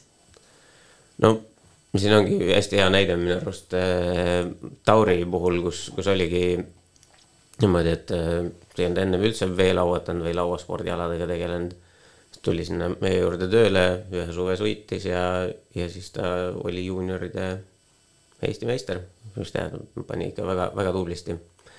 et, äh, et see ringkaabli pargi ehitamisega seoses siin Eestis on nüüd äh, harjutamisvõimalus läinud väga palju paremaks ja see ongi selle ringkaabli raja peal üldse äh, sõitja kogub kilometraaži, tunnis kordades-kordades rohkem kui siiamaani nendel kaks-null radadel, et selles suhtes sellel on väga, väga tugev oma eelis ja, ja loodame, et siit hakkab tulema äh, säravaid sportlasi, kes murravad ka Eestist välja, et noh, üleüldse veelaua pilti vaadates, siis meil on siin ülitublid äh, Silver Milpak ja Mari-Liis Siimon, kes äh, täitsa sõidavad Euroopa tasemel lagi hästi ja, ja on veel siukseid väga asjalikke tegelasi, kes võib-olla ei ole sport, võitlussportlased, aga teevad seda siukene nii-öelda lifestyle võtmes, ehk siis nad filmivad ja, ja, ja noh, toodavad sealt siukest maksimummaterjali, mida teevad, ma ei tea, USA, Euroopa kutid, nii edasi, Simon Petta ja üks nendest meestest, kellele võistelda väga hullult ei meeldi, aga sõidab mega ägedalt ja on sihuke täitsa äh, slingshot'i tehase tiimis, mis nii-öelda, ma ei teagi, kui millega seda võrrelda klassikalistel spordialadel täpsemalt, aga noh, võib-olla see on natukene nagu see, kui Jüri Vips läks vormelisse, et see on niisugune oluliselt odavam ala, aga, aga midagi sarnast mm. -hmm korra vahemärk, vahemärkus on, et see ringkaabelrada on selline, et, et sa saad noh, sa nagu Joo ütleski, et sõidutunde hästi palju, et see kaks null rada on ju selline, kus tegelikult antakse sul sõiduaega korraga vist kümme minutit või? käib sihuke vähekaupa. niisugune noh, järjekord on, käib üksteise taga ootamine noh, et kümme minutit, tuled maha ära. et niisugune, niisugune vahe on, et siit, siin jah, saab nagu sõidutunde hästi palju. nii, täna te tähistate sünnipäeva, aga millisel, kust tuli see mõte üldse alustada sellise spordiala siia Põltsamaale ülestöötamist või, või ehitamist kas või wakeboardinduse mõttes? Ma ennist rääkisin ja ma üritasin meenutada, kas meil on äh, Tartus näiteks sellist võimalust, äh, vist Anne kanalis mul justkui tuli, et äh, midagi sarnast on. Aga väga laialdaselt ma seda nagu näinud ei ole, vist on ka Haagel, kui ma ei eksi, praegu hakkasin mõtlema, aga eks te teate paremini, kust tuli see mõte just siia Põltsamaa, Põltsamaale tuua selline spordiala sisse? no selle taga on Põltsamaa valla väga tublid inimesed, kes kunagi vist äkki niisugune viisteist, võib-olla kakskümmend aastat tagasi siin peab kiitma eelmist valitsust. et see oli. alati eelmisi valitsusi Toivo Tõnisson, ilmselt vist niisugune põhieesvedaja, käis kunagi, vaatas kuskil, kas see oli Saksamaal seda Langenfieldi parki ja mõtles, et Põltsamaal on sellist vaja, siis ma kujutan ette siit viisteist aastat tagasi. see noh, vaatad selle kohta, et, et kuidas ja miks ja täna lähed sinna koha peale ja saad aru, et see koht on oma ajast ja selle harrastajate arvust ikkagi tohutult ees, siis äh, ma ei tea, müts maha, suur kummardus, Toivo on megavisiooniga mees ja üliäge, et see on siia tehtud. noh, asukoha suhtes ta on äh, Excelis kõik näitajad põhjas, igalt poolt keskele, et, äh, et see on vaatad Riia, Helsingi, muidu oli siin Peterburi, aga Eesti suhtes kõik linnad, mis on, on keskele kokku, poolteist tundi oled kohal ja, ja tule sõida ja ma saan aru, et tegelikult ju lisaks sellele vaba aja veetmise võimalusele pakub ta siis ka noortele tööd, et enne siin mainisid, et, et ka Tauri alustas seal nii, et ta läks sinna alguses tööle, et ka sellist võimalust siis saab äh, seal Vaba Aja Keskuses. ja meil on seal see meeskond on päris, päris suur ja no võib-olla ongi hea koht siukene, et tulge meie juurde tööle, meil on köögiabilisi vaja, ma olen seda otsinud, köögitöötajaid on üldse raske leida. Aga, aga noh, vist ongi Põltsamaal tundub, et hooajatööd tahavad teha ainult noored, et ülejäänud inimesed vist otsivad natukene rohkem stabiilsust, aga, aga ma julgeks küll kutsuda, et tulge veetke suvepuhkus veepargis ja siis panete, ma arvan, ülejäänud hooaja või, või su aasta väga rõõmsalt edasi no tegelikult on ju väga paljud äh, inimesed äh, on tööl seal, kes on olnud kõik kolm hooaega ju. jah et, et siuksed, kes nagu ootavadki seda, et saaks sinna tööle tulla. jah, ja see ongi näiteks Kaido käis eile, tegi meil pitsaõhtu väga, väga menukas asi oli. väga huvitav, Kaido meid ei kutsunud no hea on, et ei kutsunud, sest oleks ilma jäänud. see oli siukene, pooleteist tunniga olid kõik pitsad läinud, kõik olid pitsa, pitsa, pitsa, ülihead pitsad olid. väga äge, aga tegite ise siis või? ei, ikka kõik ise noh, kõik taige on ja kõik algusest peale lõpuni ise. puhas käsitöö kraam. kas lõkke peal või ahjus või...? see on ahjus jah. kivi peal. kivi peal jah et meil nagu korralikku pitsa kahjuks ei ole veel, aga, aga me saame hakkama. see on malm plaadi peal, mis on, ütleme nii, et mo- moodsa hea kivi. väga head pitsat sai. jaa, ma kujutan ette. kahju, et ei saanud äh, osa sellest gurmeest. Kaido söögid on alati olnud head, me oleme ka tegelikult enne seda intervjuud juba äh, pikemat aega pehmelt öeldes tuttavad, me võime üksteist. tut-, me võime sinatada, täpselt. aga ma tahtsin küsida just äh, selles osas, et rääkisite hooajalisest tööst ja kas wakeboard on ainult selline hooajaline sport ka või on võimalik näiteks talvel teha niisugust kuiva trenni on olemas mingid sisehalli võimalused või, või kuidas, mida talvel teha, kui sa tahaksid wakeboardiga tõsisemalt, tõsisemalt tutvust teha? Mm, veelauasõit on äh, külge spordiala, ehk siis äh, seal on hästi palju alternatiive. Mingi rulad, mida saab sisehallis harrastada. lumelaud, mis on meil täiesti teemas ja siin Põltsamaal ka võimalik. et nüüd tänu sellele Kuningamäe tillukesele õppenõlvale, mis ma ütleks Eesti mõistes on üks äh, nutisemaid õppenõlvasi, väga ilusa valgustusega, niisugune tore korrektne mäeke siis äh, on võimalik seda hooaeg läbi hoida soojas ka ja, ja harjutada, nii et ei, ei kaoks tunnetus ära. Ja siin ongi, me oleme teinud äh, praeguseks siis kaks talve no, ja kaks suve jah, lumelaua ja veelauatrenne, siis meil käivad seal Põltsamaa noored, kes tasapisi harjutavad ennast muudkui osavamaks, väga ägedaid tegelasi käib. Joeli tasub usaldada lumelauasõidul, sest Joel on üks Eesti parimaid lumelauatajaid. no vot, et paneb ka vanemad inimesed sõitma, et et palun, palun tulla ja. kes oli meile ka vanemad inimesed sõitma. kui te, kui te tundsite ennast puudutatuna, siis küll jah. jah, aga ütleme, et kui ma ei julge, et lihtsalt ei julge selle lauaga sõita või ma ei oska ujuda, kas mul siis ka on midagi seal äh, Wakepargis teha? muidugi, sellega on niisugune väga hea lihtne lugu, et äh, kogu see materjal, kraam, mis me sulle külge paneme, see tõstab sind vee peale, ehk siis seal on vajalik minimaalne ujumisoskus. Kui see vesi on ikka täiesti, täiesti välistatud, siis äh, meil on seal natukene kaldapealseid tegevusi ja hetkel on valmimas äh, niisugune suur, peaaegu kaheteist meetri kõrgune seikluspark.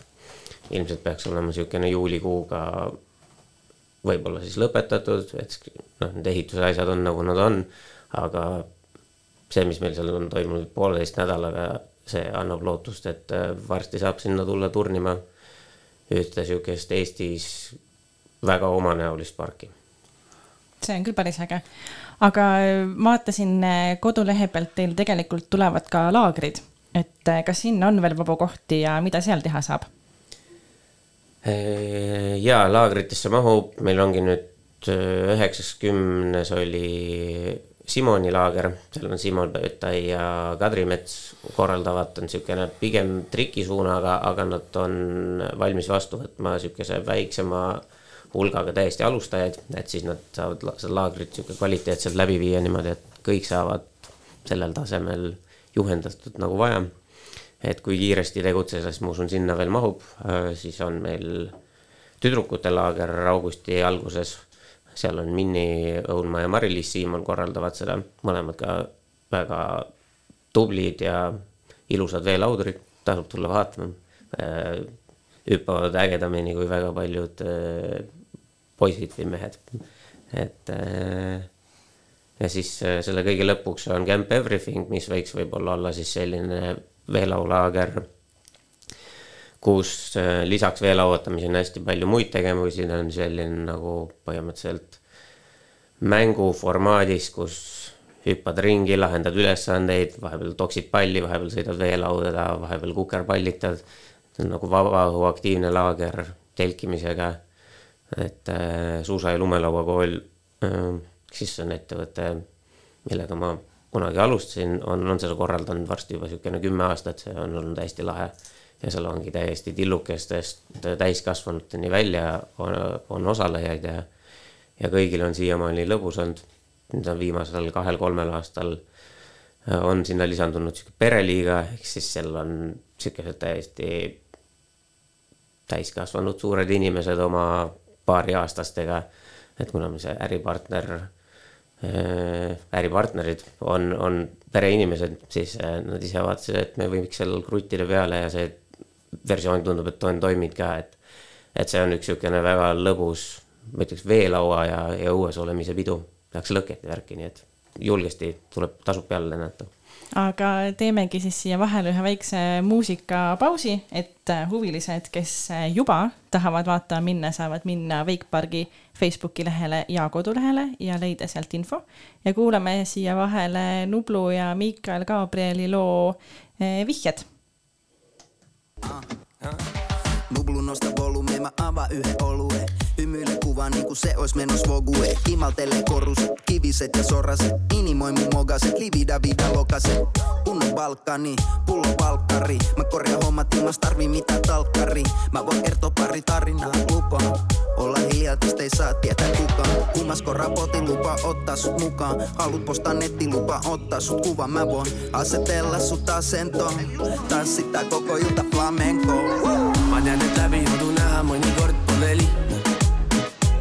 Mõnikord on ainult vihjed, viidad ja vihjed, sa klepud mulle külge nagu lehed, kui ma vihtlen. armastan ja vihkan kõike, mida ihkan, kõike, mida oodatakse mult jälle selgitusi loodan hommikul, seda näha pole lihtne. daamid härrad, naised härrad, teie rõõmuks püsti pandud spetsiaalne komplekt. Miklu, como siempre, kõik, mis teenin, panen kohvrisse ja matan ära. pool on sinu siis, kui kevadel teeb paka ära. Tubli tüdruk, naised talle käivad istme, lebo kuni tehnikumi tuutor ja magister. tüdruk ütles Isver, lauas on minister, mütsin harju ära, nüüd ta sulab nagu kism. nahk nagu tunda, kuule sinu number, rokin sinu maailma, kuni lõpuks vaju tunne. hiljem märkad üles, mõistad, et see polnudki uni, keegi kuskil üldse küsib, ütled, et sa mind ei tunne, see kõik on udujutt, nii et milleks olla kettas, veeranditki usud, siis saad poole kõike petta, ma tean, et läbi jodu näha mõnikord pole lihtne. mõnikord on ainult vihjed, sa klepud mulle külge nagu lehed, kui ma vihtlen. armastan ja vihkan kõike, mida ihkan, kõike, mida oodatakse mult jälle selgitusi loodan hommikul, seda näha pole lihtne. mõnikord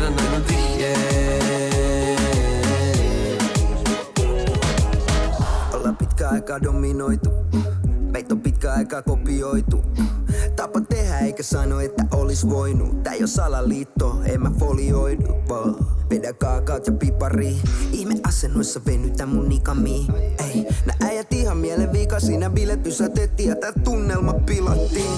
niivõrd kaval sinu puudutus, meie plaanides on muudatus, keegi teine pole oodatud, ma sulan nagu lumi, mis on soolatud. ma proovin õiget hetke tabada, millal ennast õige avada, elu on nagu šokolaad, mis maitseb liiga hästi sulle. Anda või mu tüki, aga kõigiga sa jagad, onju.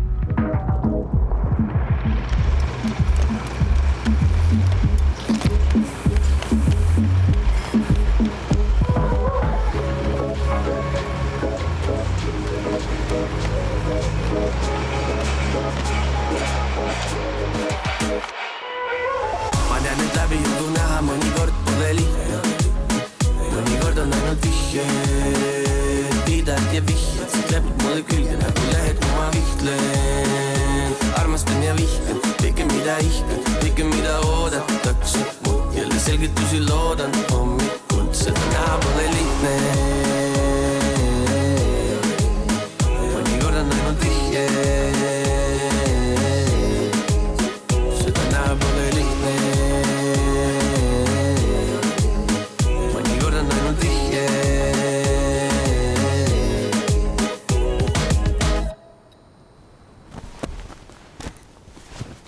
Nublu mm?.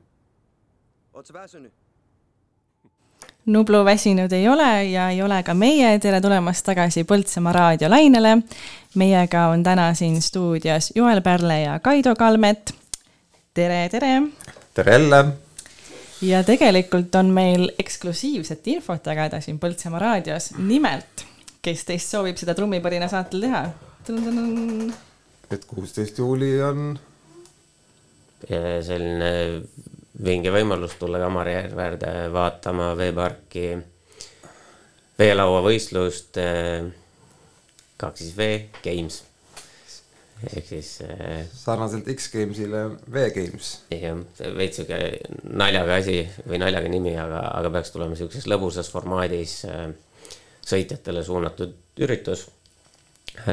kindlasti jälg-, pealtvaatajatele põnev afterparty tuleb õhtul ka, Lauri Täht tuleb, mängib äh, mussi, väga hea muusikataju inimene, kusjuures Põltsamaa juurtega aa, no vot, omad kohalikud äh, poisid siis platsis. Jah, ta on sihuke rulapoiss ja, ja selles suhtes teame kuskilt varasemast mingi hetk tuli välja, et ta on, et ta on ka Põltsamaalt. et hästi lahe jah, ja Kaido on siin tublisti vaeva näinud, leidnud meile äh, lahedad sponsorid sellele üritusele ja, ja siis äh, lisame siia Eesti veelauamaastikule ühe võistluse tahaks kutsuda veel üles toetajad, keda ma olen nagu kraapimas käinud ukse taga, et, et äh, laegas on veel avatud, et saab veel toetada.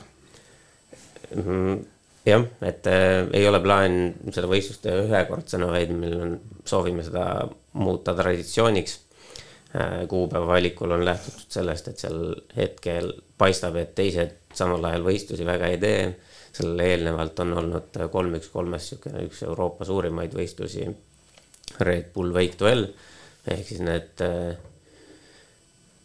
veelaudurid, kes on ka siuksed maailmatasemel rohkem tuntud, võivad siin Euroopas ringi tuuritada ja, ja olla võib-olla tulevikus huvitatud meiega ühinemast. kas Eesti mõttes on selline ainulaadne võistlus? Tulevikus ta võiks olla ainulaadne jah, sest et äh, üleüldse noh, kahe aasta jooksul ma olen nagu jälginud, et, et ega väga selliseid lauavõistlusi ei ole Eestis. et äh, ongi siis võib-olla seal viis, viis-kuus võistlust terve hooaja peale, et et, et neid võiks nagu olla rohkem.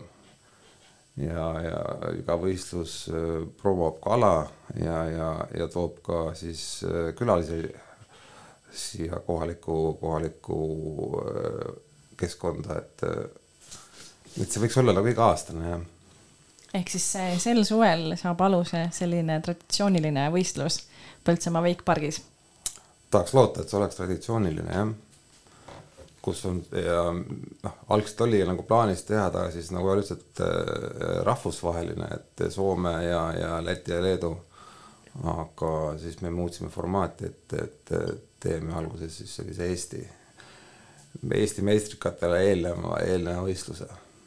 et kus saab siis proovida ja siis vastavalt oma tulemustele siis äh, lihvida siis äh, oma oskusi siis Eesti meistrivõistlusteks ja keda kuueteistkümnendal võistlema oodatakse? millised vanuseklassid, millised oskust või tasemed või kuidas see täpselt see määratlus käib teil? kuidas sellega on? Et selle kuusteist võistluse sõitjate poolseks eestvedajaks on Simon Pete ja Kadri Mets. Nemad on võib-olla selle veelauatamise suhtes pigem loominguliselt kui sportlike soorituste suunaliselt lähenevad. et see nimi ka V-Games, see tähendab seda, et ta võiks olla selline hea lõbus formaat, kus saab tulla koos sõita, chill ida, sealt eh, on ilmselt erinevaid eh, kategooriaid. kõige suurem plärts, ütleme niimoodi, ehk siis saab tulla sõitma keegi, kellel on plaanis virutada kõige vingem eh, Garzum sinna vette. on kindlasti ka sportlik osa sellel, aga on oodatud amatöörid ja prosõitjad, jagame nad kahte klassi, mehed ja naised, poisid-tüdrukud, ehk siis suures pildis võivad kõik peale tulla, kes vähegi tunnevad, et nad tahaksid veelauasõidus oma oskusi natukene näidata, teistega mõõtu võtta või siis lihtsalt tulla lustida ühe, ühe hea veelauapäeva jooksul. sest Eesti meistrikatel vist sellist äh, kõige suuremat äh, Garsumi ja Plärtsu ei saa, ei saa vist teha, on ju. kindlasti saab, me oleme natukene üritanud sinna lisada ka, aga see on jah, meistrivõistlused on eh, sportlik üritus, seal see ürituse nimi seab teatud piirangud. Et me liiga naljaks ei saa seda keerata, et see on niisugune natukene võib-olla vabama formaadiga üritus tulemas. aga kas muidu tavavõistlusel ütleme, see plärts tähendaks siis äh, automaatselt sellist kaotust või on võimalik sealt veel püsti tulla ja, ja midagi ära teha midagi päästa? Äh, suures pildis on äh, pikali kukkumine võrdne sõidu lõppemisega aga on mingisuguseid kukkumisi, kust osavad tulevad püsti tagasi, see võrdub justkui soorituse mingi võib-olla null koma midagi protsenti tulemusega. et see korrutatakse läbi ja siis sealt jääb, jääb väga vähe punkte alles. ja kui mul on huvi tulla sinna võistlusele, kuidas ma saan ennast kirja panna või kellega ma peaksin ühendust võtma? Äh, üldiselt on kõik meie üritused äh, meie Facebooki feed'is ürituste all kirjas, et sealt õnnestub kõige paremini kursis püsida. Kodulehele seda integreerida oleme püüdnud, seda ürituste kava, aga tundub, äh, et ta autonoomsena seal ilusasti püsiks ja toimetaks, see on niisugune peavalu, nii et me oleme jäänud seal Facebooki platvormi juurde.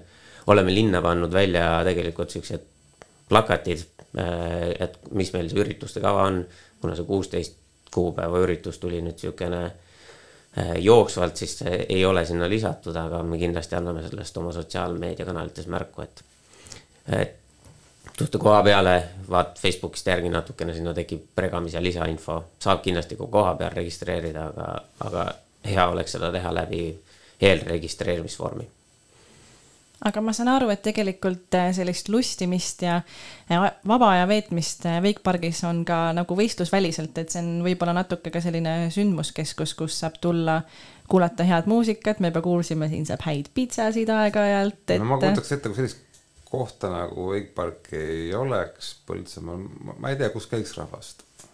ilmselt, ilmselt käiksid Põltsamaalt väljas, noh, aga praegu ikkagi kui, kui lähed, lähed sinna, siis sööma, kohvi jooma, siis on, alati on keegi seal nagu Põltsamaalt, et ja kui sihuke ilm on nagu praegu, no praegu tasub raudselt, noh, kindlasti tasub nagu õppima minna, kui ei ole, ei ole varem lauda alla pannud, sest vesi on nii soe, noh, külma veega väga ei taha nagu minna. palju see vesi on praegu siis? eile kakskümmend kuus või? oh, see on nii päris, see on sama palju kui õhus et, et, et praegu nagu vette kukkuda, noh, see ei ole mingi probleem, noh see on mõnus. see on mõnus no. väike jahutus. vette kukkumine on boonus praegusega.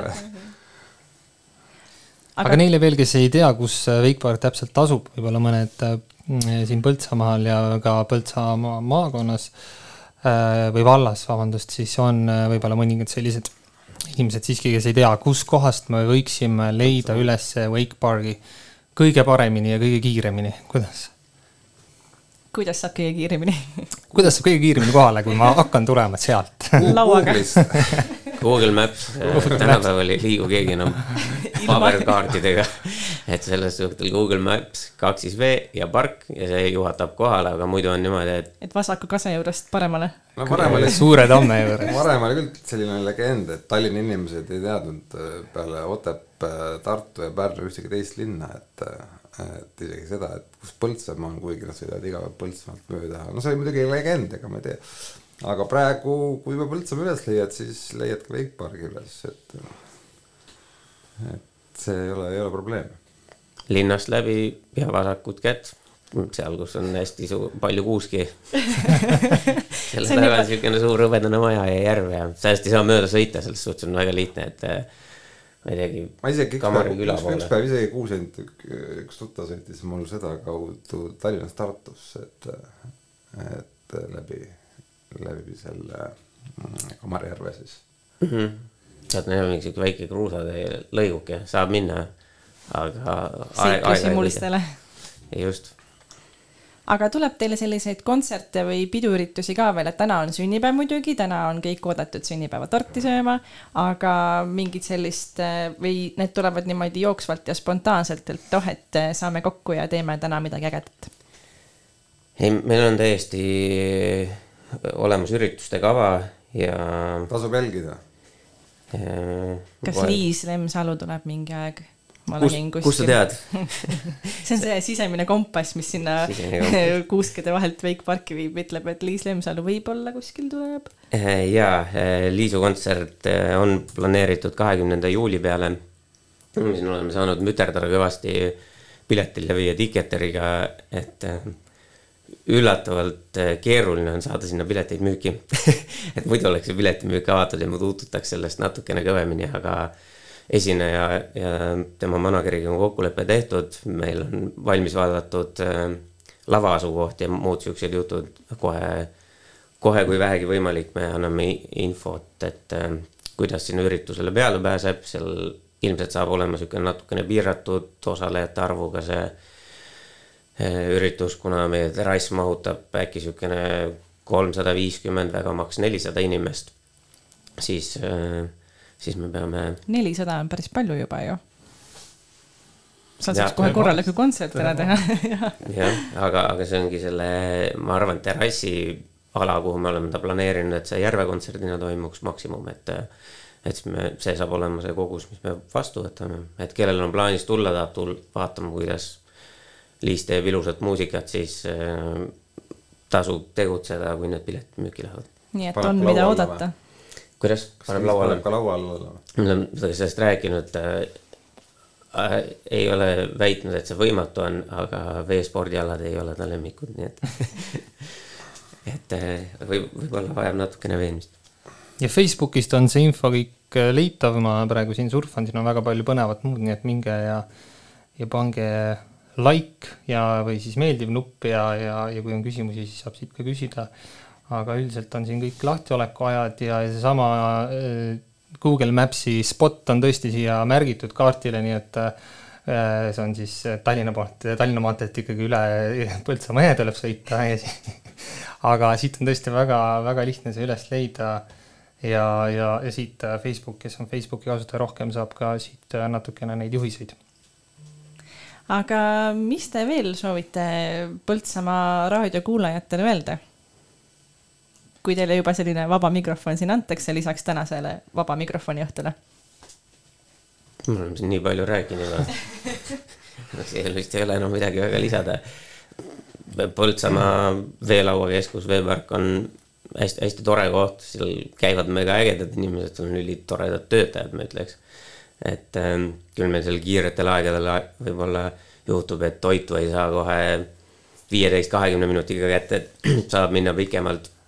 See meie meeskond on seal üsna, üsna noor veel ja, ja kogub kogemusi, et kui selle osas, no nii, kui selle osas äh, kannatust on, siis seal on tegelikult väga-väga lahe aga kui nüüd mõelda tulevikku, siis millised on need suuremad äh, unistused või, või eesmärgid, mida soovitakse wakeboardiga saavutada?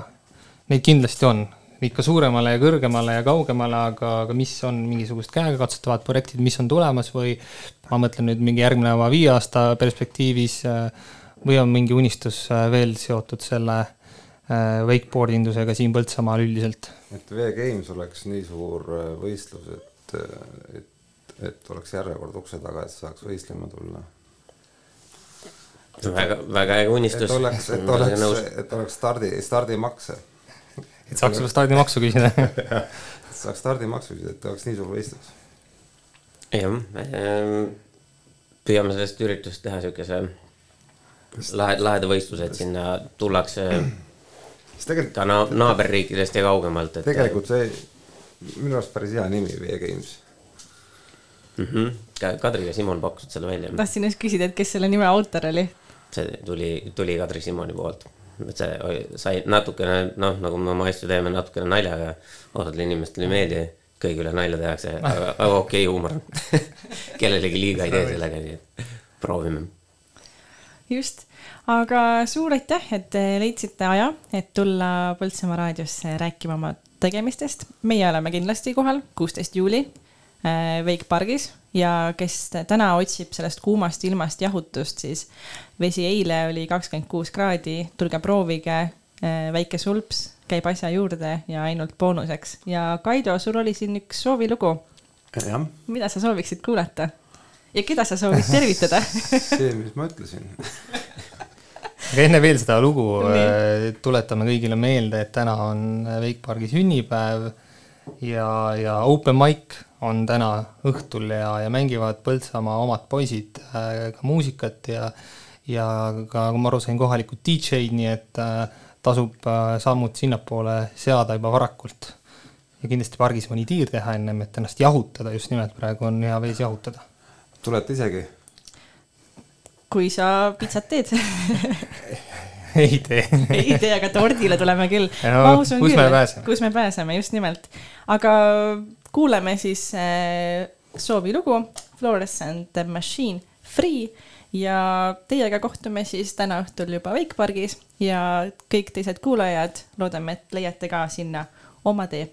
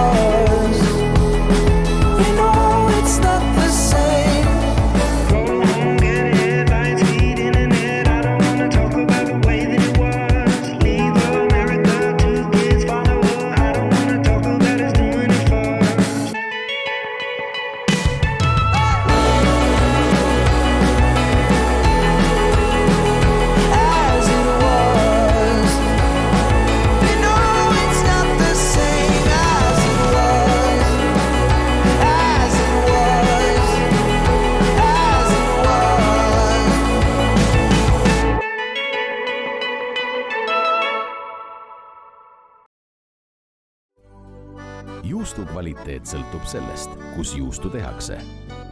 Põltsamaal osatakse juustu teha, seal hinnatakse kvaliteeti. Põltsamaa Eesti juust. kas oled kuulnud Põltsamaal linna ääres paiknevast pikaaegsest ettevõttest? puitprofiil, kvaliteetsed liimpuidust akna ja ukse detailide toorikud meie kodukohast. suvi, päike ja muidugi Põltsamaa valla sõnumid. Üks kord nädalas ilmuv sisukas sõnumitooja hoiab sind kursis olulisega. vaata lisa pvs.ee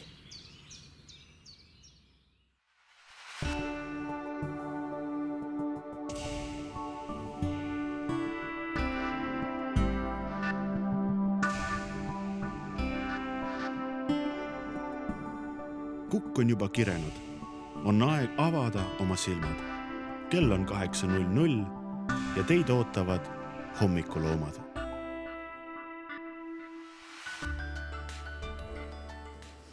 tere tagasi Põltsamaa raadiolainele, minu nimi on Anett Kreitsmann ja minuga on täna siin stuudios Kristjan Silm. ja tõepoolest, kell on üheksa viiskümmend, mitte kaheksa, nagu meie reklaamis ikka ja need varajased või hilised ärkajad. no nüüd on küll kõik minge paanikasse, ka sest juba. et kell ei ole enam kaheksa nüüd on aeg paanikasse minna. nüüd on aeg paanikasse minna, kell hakkab juba kui sa pidid üheksaks tööle jõudma, siis seda sa kahjuks ei teinud. aga ära heida meelt, kuula meie juttu ja muusikat meiega koos edasi ja, ja võib-olla tänase kuumaga, kusjuures äh, Tööohutusinspektsioon keelaski ära töötamise teatud erialadel, kus äh, temperatuur võib sinna kolmekümne kanti ulatuda. äh, ja ärge võtke seda ka sajaprotsendisele tõele, kontrollige ise järgi oma tööandjaga, sest ma ei kutsu üles kedagi töölt äh, täna loobuma või tööst loobuma. et äh, me ei ole sellest asja, et raadiost kuulsin. küll aga kutsume üles äh, Wake Parki minema, et täna me just äh, hetk tagasi, kes võib-olla ei kuulnud, aga kes kuulsid, käisid meil külas Joel Pärle ja Kaido Kalmet, kes rääkisid meile Wake Pargis toimuvatest äh, võistlustest, tulevad meistrivõistlused augustikuus ja juuli, kuusteist juuli tulevad äh, sellised vinged võistlused, mis on ka pealtvaatajatele väga ägedad vaadata. aga vesi oli, olevat eile olnud seal ligi kakskümmend kuus kraadi sooja nii et äh, hea jahutus ja mina, kes ma ei ole kõige suurem ujuja, ütleme nii, et ma olen supleja, küsisin äh, eetriväliselt ka, et kas mul midagi on teha seal ja tuleb välja, et üldse kartma ei pea. seal on äh, kõik fun'id asjad, ma saaksin seal tegelikult nii supplauaga aerutada, ma saaksin tuubida ja lisaks, kui ma julgengi võtta oma selle julguse kokku, julgen võtta julguse kokku ja lähen sinna raja peale, siis on kõik äh, atribuutika pannakse mulle külge, et minuga midagi juhtuda ei saa ja kui kukungi, siis see on boonus ja saab ulpida seal mõnusas vees statistiliselt pidi olema siis nõnda et, et üheksakümmend viis protsenti inimestest õpib üsna kiiresti selle koheselt ära, mis on üsna suur tõenäosus, mõelge kümnest inimesest vähemalt üheksa pool inimest õpib selle koheselt ära ja saab juba esimesel korral minna nii-öelda suure ringi peale ja harjutusväljakult edasi, nii et see väga suurt pingutust ei nõua, et see on äh, mõttes, mõttes on see kinni, nii et kes ei ole veel jõudnud ja mõelnud, et äh, see ei ole minule või nõuab liiga palju minult, siis tegelikult äh, traat veab sind edasi, tasakaalu kindlasti on vaja või vähemalt on harjumist vaja sellega koostööd teha ja, ja siis on juba võimalik äh, igapäevaselt seal käia ja, ja kuna see on ka selline sõltuvust tekitav spordiala, nagu ma aru sain, et et need, kes ikka käivad ja jäävadki käima, siis äh, kindlasti võtke see tee endale ette. kas sina nüüd sooviksid proovima minna või oled sa kunagi proovinud seda spordiala? Ei ole ja ma olen täpselt samamoodi, miks ma ei ole proovinud, teatud mõttes nagu eelarvamuste tõttu, et et ma, ka mina olen arvanud, et see on äh,, nõuab äh, väga pikka harjutamist ja mingisugust spetsiifilist oskust äh,, mingisuguseid teadmisi, et, et kui ma noh, stiilis, et, et ma pean olema varasemalt näiteks lumelauaga sõitnud või rulaga sõitnud, et saada aru, mis asi on wakeboard või et, et sellega vee peal sõita või jumal teab, äkki ma pean olema hoopis surfar ja see on lihtsalt midagi sellist, mida, mida surfiga nagu samastatakse. et ja see on võib-olla minu olnud selline äh, valesti, vale arusaam selle kohaselt, et, et nüüd äh, kenasti täpsustasid täpsustasid nad äh, meile ära, et milline see wakeboarding on ja kes, äh, kes ei jõudnud täpselt kella üheksa, ütleme seda meie vestlust kuulama ja kõiki neid huvitavaid asju, mida Wakeboard teeb, kindlasti jälgige nende Facebooki lehte ja nende kodulehte. Äh, veepark on siis, Kaksis veepark on nende siis Facebooki leht ja, ja sealt saate kõik info kätte, lahtioleku kellaajad, täpse asukoha info, äh, kõik äh, igasugused lahedad üritused ja kampaaniad, mis neil toimuvad siin suvel ja ka, ja ka järgmistel perioodidel, nii et jälgige neid Facebookis, jälgige nende kodulehte, minge koha peale ja, ja toetage, toetage kohalikku ettevõtlust ja kohalikku sporti. Minu meelest see oligi tegelikult üks äh, väga äge asi ka, mis sellest välja ju tuli, et äh, ta on äh, kogukonna jaoks ka selline, ja mitte ainult kogukonna, vaid ka külaliste jaoks selline mm, noh, ütleme nii, et noh, ma ei saaks öelda lihtsalt vaba aja keskus, et sa tuled sinna, aga sa saad seda ka teha, et sa oled seal, veedad vaba aega, naudid sõpradega. aga seal on just nimelt erinevad sündmused, et räägiti siin pitsaõhtust, et tehakse ja tulevad esinejad ja täna muidugi on see sünnipäev, kus on lisaks tordile ka open mic õhtu, on esinejad. Et äh, sellist asja, ma usun, on igas, äh, igas linnas, igas kogukonnas väga vaja, et äh, midagi üheskoos teha ja just see, et seda veavad eest enda inimesed, et seda enam on see ju äge ja, ja ma isegi nimetaksin seda siis vähemalt selle jutu põhjal elamuskeskuseks või sündmuskeskuseks, sest et et äh, wakeboard indus ei ole ainukene selline asi, millega tegeleda, oli ka asju, mida saab maa peal teha. Ja, ja Aidar rek-, reklaamis siin meil oma pitsaõhtuid, nii et kindlasti ta kordab neid, nii et on oodata tõsisemat gurmee sellist pitsavalikut, et kindlasti jälgige seda asja et äkki jagab retsepti või on see saladus? ma arvan, et seal saab vaadata koha pealt, kuidas ta teeb ja, ja siis äh, märkmeid teha. ja, ja võimalik, et siis pärast äh, kodus äh, seda kõike järgi proovida. võib-olla tõesti, aga ma mõtlen, et kas sa suusatamist oled kunagi proovinud, mäesuusatamist? või lauda? jaa, tihti mõtlen. tihti mõtled või oled proovinud ka? tihti avastan ennast äh, suusatamisest mõtlemast aga ei, ma olen proovinud suusatamist rohkem kui küll. tegelikult ma olen äh, isegi ühel võist-, no koolidevahelistel võistlustel olen rohkem käinud, aga ma olen isegi ühel suusavõistlusel osalenud päris äh, Eesti meistrivõistlustel, kui ma ei eksi aga murdmaasuusatamises, siis oli murdmaasuusatamise tippaeg, meil olid äh, iidoliteks oli Andrus Veerpalu. mis aasta ja, see oli? ohohoo, see oli, no ma täpselt aastaarvu tegelikult ei oskagi öelda, võib-olla ma oskan öelda, et see oli põhikoolis kunagi. Et äh, kas ta oli seal mingi seitsmes-kaheksas äh, klass võib-olla, aga päris tõsiselt, päris tõsiselt ma seda võtsin ja mõned aastad ka suusatrennis äh, käisin ja, ja Tartu Kalevi all treenisin. no aga siis peaks ju olema väga hea baas, et minna veelauda sõitma. paaristõugetega. paaristõugetega, jah, just nimelt. sest et sest et see kõik õpitu, mis on keppide ja ülakehaga, see on kõik kandub üle see on lihasmälus. see on lihasmälus, jaa. oled sa veel mõnda sporti harrastanud? loomulikult nii loomulikult olen, tegelikult äh, enda spordialadena põhiliselt olen ma ikkagi kergejõustiklane olnud. ja olen olnud äh, sõudja, need on nüüd võib-olla kaks märksõna, mida ma välja tooksin. Et kergejõustikuga ma tegelesin natuke vähem, aga mul on olnud au äh, treenida koos äh, Rasmus Mägiga. nii et ühes trennis käia, ühe treeneri all treenida nii et me ütleme niimoodi, et meie standi, stardipositsioonid olid võrdsed ja ka minust oleks võinud saada Euroopa üks kiiremaid jooksjaid. aga, aga... noh, vot, vot millegi taha see kinni jäi, aga kindlasti mitte oskuste, on ju.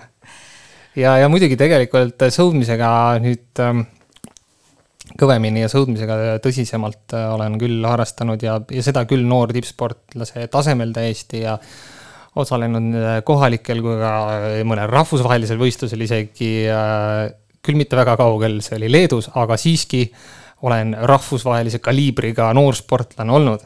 ja, ja, ja sõudmine on, on tegelikult olnud natukene pikem kui, kui kergejõustiklase karjäär mul on tunne, et siin laua taga istub mees, kellel on kõik eeldused no., et minna wakeboardi UV Gamesile. mees nagu orkester kõik, kõik sobib, kõik sobib ja, ja wakeboardi tuleb äh, ära proovida.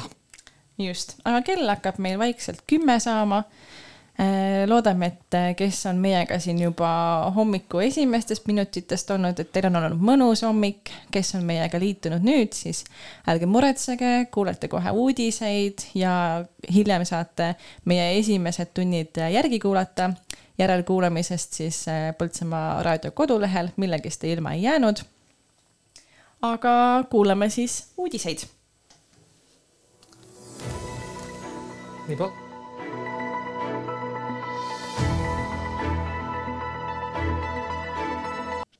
Tere, eetris on Põltsamaa uudised, stuudios uudistetoimetaja Grete Koho Puurmani mõisas etendub lavastus Metsas ei kuule su karjumist keegi. Võisiku kodu majutab Ukraina sõjapõgenikke. Põltsamaa vald viib läbi elanike rahulolu küsitlust.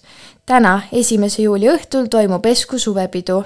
teisel juulil toimuvad Terminal Oil Eesti meistrivõistlused Rallycrossis teisipäeval, viiendal juulil etendub Puurmani mõisas tragikomöödia Metsas ei kuule su karjumist keegi, jätkab Kätlin Toom.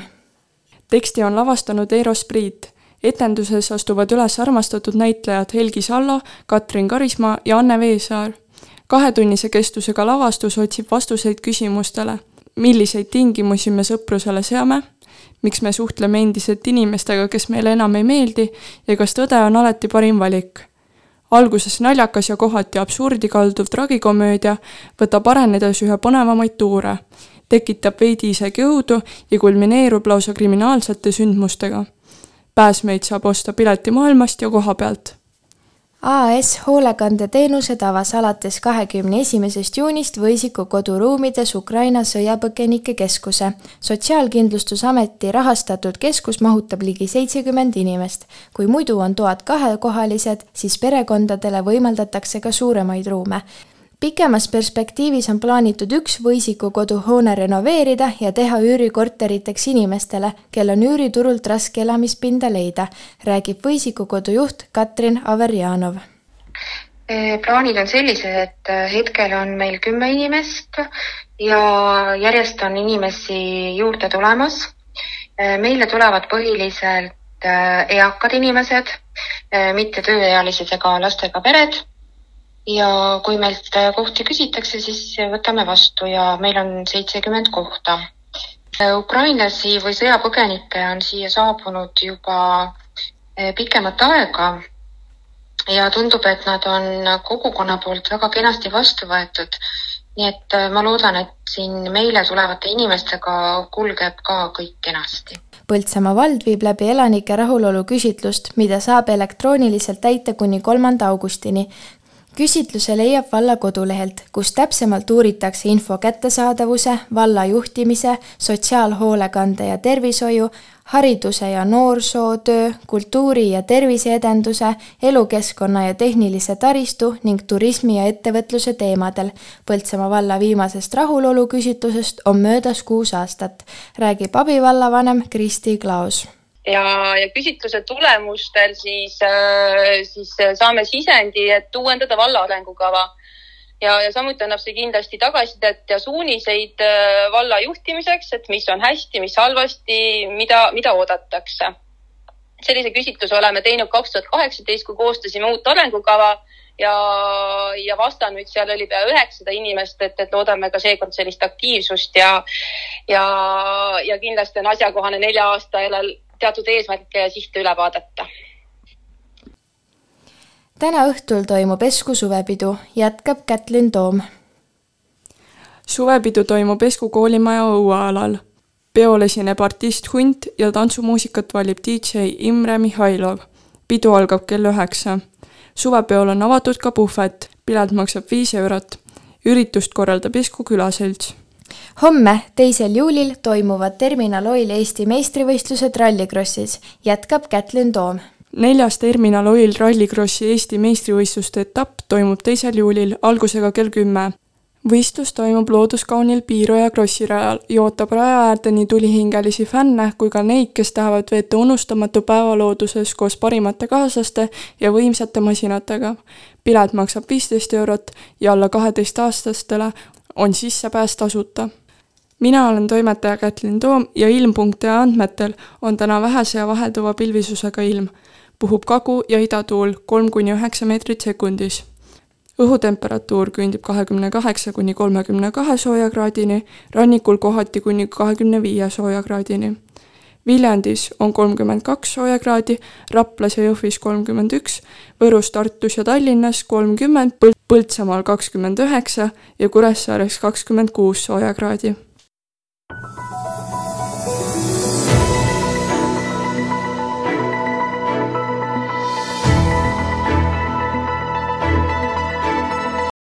kuningas Magnus kutsub Põltsamaa kahekümne seitsmendale lossipäevale. lossipäev toimub teisel juulil Põltsamaa kardirajal.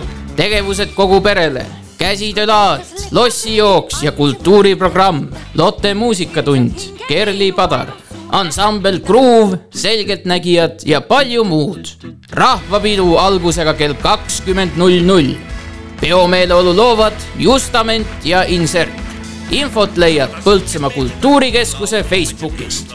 kohtumiseni juba teisel juulil Põltsamaa kardirajal kuningas Magnuse juures.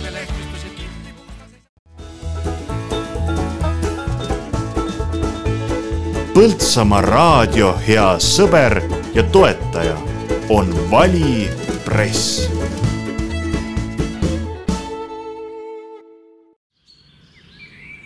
suvi, päike ja muidugi Põltsamaa valla sõnumid. üks kord nädalas ilmuv sisukas sõnumitooja hoiab sind kursis olulisega. vaata lisa pvs.ee. kas oled kuulnud Põltsamaal linna ääres paiknevast pikaaegsest ettevõttest? puitprofiil, kvaliteetsed liimpuidust akna ja ukse detailide toorikud meie kodukohast. kas oled kuulnud Põltsamaa ja tere tagasi Põltsamaa raadiolainele. kuulatud on uudised, kuulatud on reklaami ja oleme tagasi eetris. minu nimi on Anett ja minuga on siin Kristjan. tervist. ma arvan, et on ikka paslik veel öelda tere hommikust, sest suvisel ajal inimestel puhkused, ma usun, et on hiliseid härkajaid siin küll.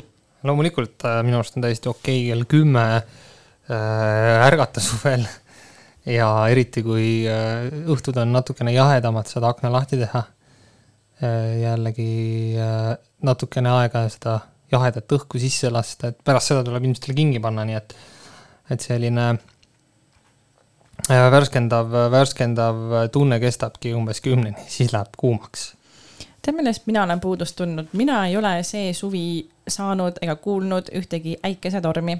et kui me siin üks päev olime Põltsamaa raadiostuudios, siis akna taga küll müristas, aga välku ma ei näinud ja suurt paduvihma mina ka endale kaela ei saanud, nii et see on üks asi, mis minu suvest veel puudu on. kas, äh, kuidas sul on, kas sa oled näinud äikesetormi? kusjuures sellel samal päeval, kui sina siin sees olid, siis mina sattusin just väljas olema ja ausalt, väike see torm oli, aga vihma ma sain eh, selle suve mitte, kaugelt mitte esimest vihma, vaid päris mitmendat juba, nii et ega seda vihma on ka. ja kui vaadata ilmaprognoosi, siis tegelikult järgmisest nädalast läheb jälle jahedamaks. et esmaspäeval, kui ma õigesti mäletan, on juba kakskümmend kuus kraadi ja kakskümmend seitse ja kakskümmend neli ja kakskümmend viis, nii et me saame sellise tavalise Eesti suve uuesti tagasi ja võimalik, et isegi jääme igatsema seda kuumalainet ma just mõtlesingi, et, et läheb jahedamaks kakskümmend seitse kraadi, kakskümmend kuus kraadi, et maru jahe küll. aga jaa, eks ta ole selline. uus reaalsus. uus reaalsus ja klassikaline eestlane, et talvel tahaks, et oleks soe, suvel tahaks, et oleks palav ja tegelikult seda aega on meil tõesti nii lühidalt, et äh, tuleks nautida. jah, tõepoolest ilmast võikski ju rääkima jääda sellepärast et väidetavalt ilm on kõige parem äh, eetrivaikuse täitjaks. ja, ja alati üks niisugune icebreaker olnud. aga, aga tõsisemalt äh, tõepoolest uus reaalsus on see, et me suvel täna mõtlemegi, et kolmkümmend, see on, see on nagu õige suvi. ja kui ei olekski ja see on teist aastat juba järjest, kusjuures, et, et sellised ilmad on muutumas meie juures täiesti tavapäraseks aga uudistest kuulsime siin, et äh, Põltsamaal viiakse läbi rahulolu küsitlust. et Kristjan, sul on selline sotsioloogi taust, et mida sa arvad rahulolu küsitlustest? kui väga oleks vaja neid viia läbi või on see pigem selline asi, mis annab inimesele kaasatuse tunde? loomulikult tuleb neid küsitlusi läbi viia ja ega teisiti otsuste vastuvõtmine oleks ju hulga pealiskaudsem, kui selliseid rahulolu äh, ja arvamusküsitlusi läbi ei viidaks, et see on üks äh, selline, ma arvan, et tänapäeva demokraatias üks täiesti normaalne nähtus. et äh, riigijuhid ja omavalitsuste juhid ja üldse tegelikult ka ettevõtete või suurettevõtete juhid äh, firmasiseselt, kui me mõtleme, teevad rahulolu küsitlusi suuremate ettevõtete siseselt ja, ja nad saavad teada, mis nende töötajate murekohad on, mis on nende äh, nendel hästi ja mida saaks paremini teha ja, ja kui me mõtleme nii-öelda riiklikul tasandil, siis see on mingi indikaator, mis näitab, et millega ollakse rahul ja millega võib-olla mitte nii väga. aga noh, muidugi ei tasuks kinni jääda nendesse populaarsetesse, ütleme populistlikesse uuringutesse. ja, ja samuti võib-olla ka ei tasuks väga tõsiselt kogu aeg jälgida nii-öelda neid erakonna reitingu tulemusi, sest et see on nagu selline väga varieeruv asi Äh, selle sõltub niivõrd palju hetkeolukorrast ja see ja need, ja need trendid kindlasti ei peegelda võib-olla nii hästi sellist äh, hetkeolukorra reitingut, see tuleb nagu noh, nagu ikka tulevad sellised äh, uuringud teatavad, teatava sellise ajavaruga, et tänased tänaste otsuste mõju ja ka arvamusuuringute puhul tänaste vastuste mõju, kui need kunagi kokku hakatakse panema, on ju, siis need avalduvad äh, võib-olla nädalaid, võib-olla kuid isegi hiljem. et, äh, et see antud hetkel, äh, seal on väga palju tegureid, mis seda, seda mõjutavad. aga noh, ma ei ütle, et see reitingute asi nüüd nagu päris, päris vale on, loomulikult see on see on erakondade enda jaoks ja jällegi nagu demokraatia mõttes mingisugune asi, mida, mida me saame justkui tunnetuslikult jälgida, et vaadata, et kas äh, praegu võimul olev partei või parteid on, on nii-öelda rahva tahtel või mitte, on ju. et kas nendel on piisavalt äh, rahva hääli, et nad seal võimul saaksid oma tegus, tegemisi nagu äh, ellu viia just, ja ma mõtlen, et äh, võib-olla kuulajatele siia juurde, et äh, kes meil oskab siin nii hästi rääkida ja sellistest äh, demokraatia küsimustest ja uuringu küsimustest, siis Kristjan on ju tegelikult värske Tartu Ülikooli nooremteadur. et doktorantuuri tee on jalge all. kuidas tunne on, praegu on suvepuhkus, sügisel jälle uue hooga edasi just nii, tõepoolest sotsioloogia doktorantuuris äh, ma nooremteadurina ka Tartu Ülikoolis olen nüüd äh, ja, ja erialaks on siis just nimelt needsamad küsitlused ja, ja kuigi minu spetsiifiline valdkond on äh, kaitsealane, riigikaitsealane, nimelt uurin ma militaarsotsioloogia siis saab öelda? kui, kui väga täpsustada, ma vaatasin, et EHIS sellist, EHIS sellist Eesti Teaduse Infosüsteemis, siis sellist võimalust ei ole vist ennast liigitada aga noh, sotsioloogia sobib mulle ka täpselt sama palju ja sama hästi, et, et ega see tiitel ei, kokkuvõttes ei, ei määra midagi, aga, aga, aga siia kõrvale jah, võib-olla mina keskendun rohkem kaitsetahteuuringutele ja, ja inimeste kaitsetahte nii-öelda suunale ja üritan seda nagu koondada ja, ja siis äh, mingisugusesse äh, tajutavamasse või natukene paremini arusaadavamasse keelde mingisuguse, mingisuguse indikaatori näol siis nagu tuua, et, et, et kokkuvõttes on palju väga räägitud sellest kaitsetahtest, mis on väga-väga selline abstraktne või selline, igaüks arvab sellest midagi, aga, aga see on nagu tegelikult uurimata maastik veel. ja, ja mida võib-olla sellises teaduslikus võtmes Eestis nii palju käsitletud ei olegi tegelikult siis on selline suvepuhkuse ajal raadio tegemine sulle ka heaks vahelduseks. ma just vaatasin, meile saadeti ka fännipilt, kes meid kuulavad, ma kohe näitan sulle ka Ra. läbi raadioeetri seda kahjuks näidata ei saa, aga siin on äh, foto äh, väiksest Ron Maxist ja Sigrid Liist, kes kuulavad äh, valvsalt meid raadiolainel ja kiidavad heaks, nii et esimesed fännid on meil kindlasti olemas ja võib-olla sobikski siia suvejuttude ja ja selle kõige juurde lasta Girly Strings Kauges külas. kas sulle meeldib see laul? minu meelest see on selline täiega Eesti suvelaul. see on sihuke, ongi, sa oled maal, sa oled vanaema juures, vanaisa juures ja selline hea tuju laul, et ma arvan, et ka iga eestlane peaaegu oskab seda kaasa laulda. jah, on, on oht, et Girly Stringsi Kauges külas laulust saab selline äh, Eesti sihuke heas mõttes rahvalaul, et, et ta jääb siia mitte üheks aastaks ega kaheks, vaid ka pikemaks. pikemaks, on nagu fiksi jaanipäev, äh, mida iga aasta uuesti ja uuesti saame me kuulata. siis see on ka täpselt midagi sellist ilmselt, mis on rahva südamesse niivõrd, äh, niivõrd tugevalt sisse lauldud, et enam, enam sealt seda välja ei saa ja ikka iga aasta, iga suvel see laul uuesti päevakorda tuleb, jah nii et kuuleme siis Girly Strings kauges külas ja erilised tervitused lähevad siis praegu meie fännklubile Untagule.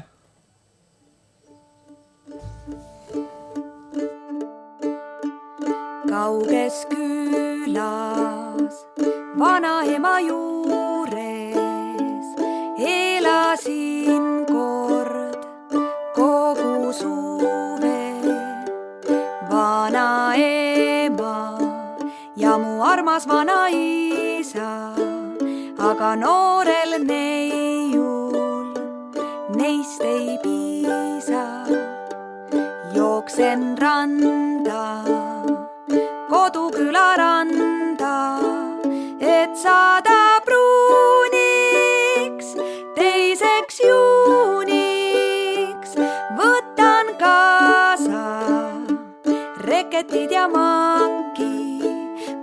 kuid rannas on vaid üks võrkpuu, paikav papi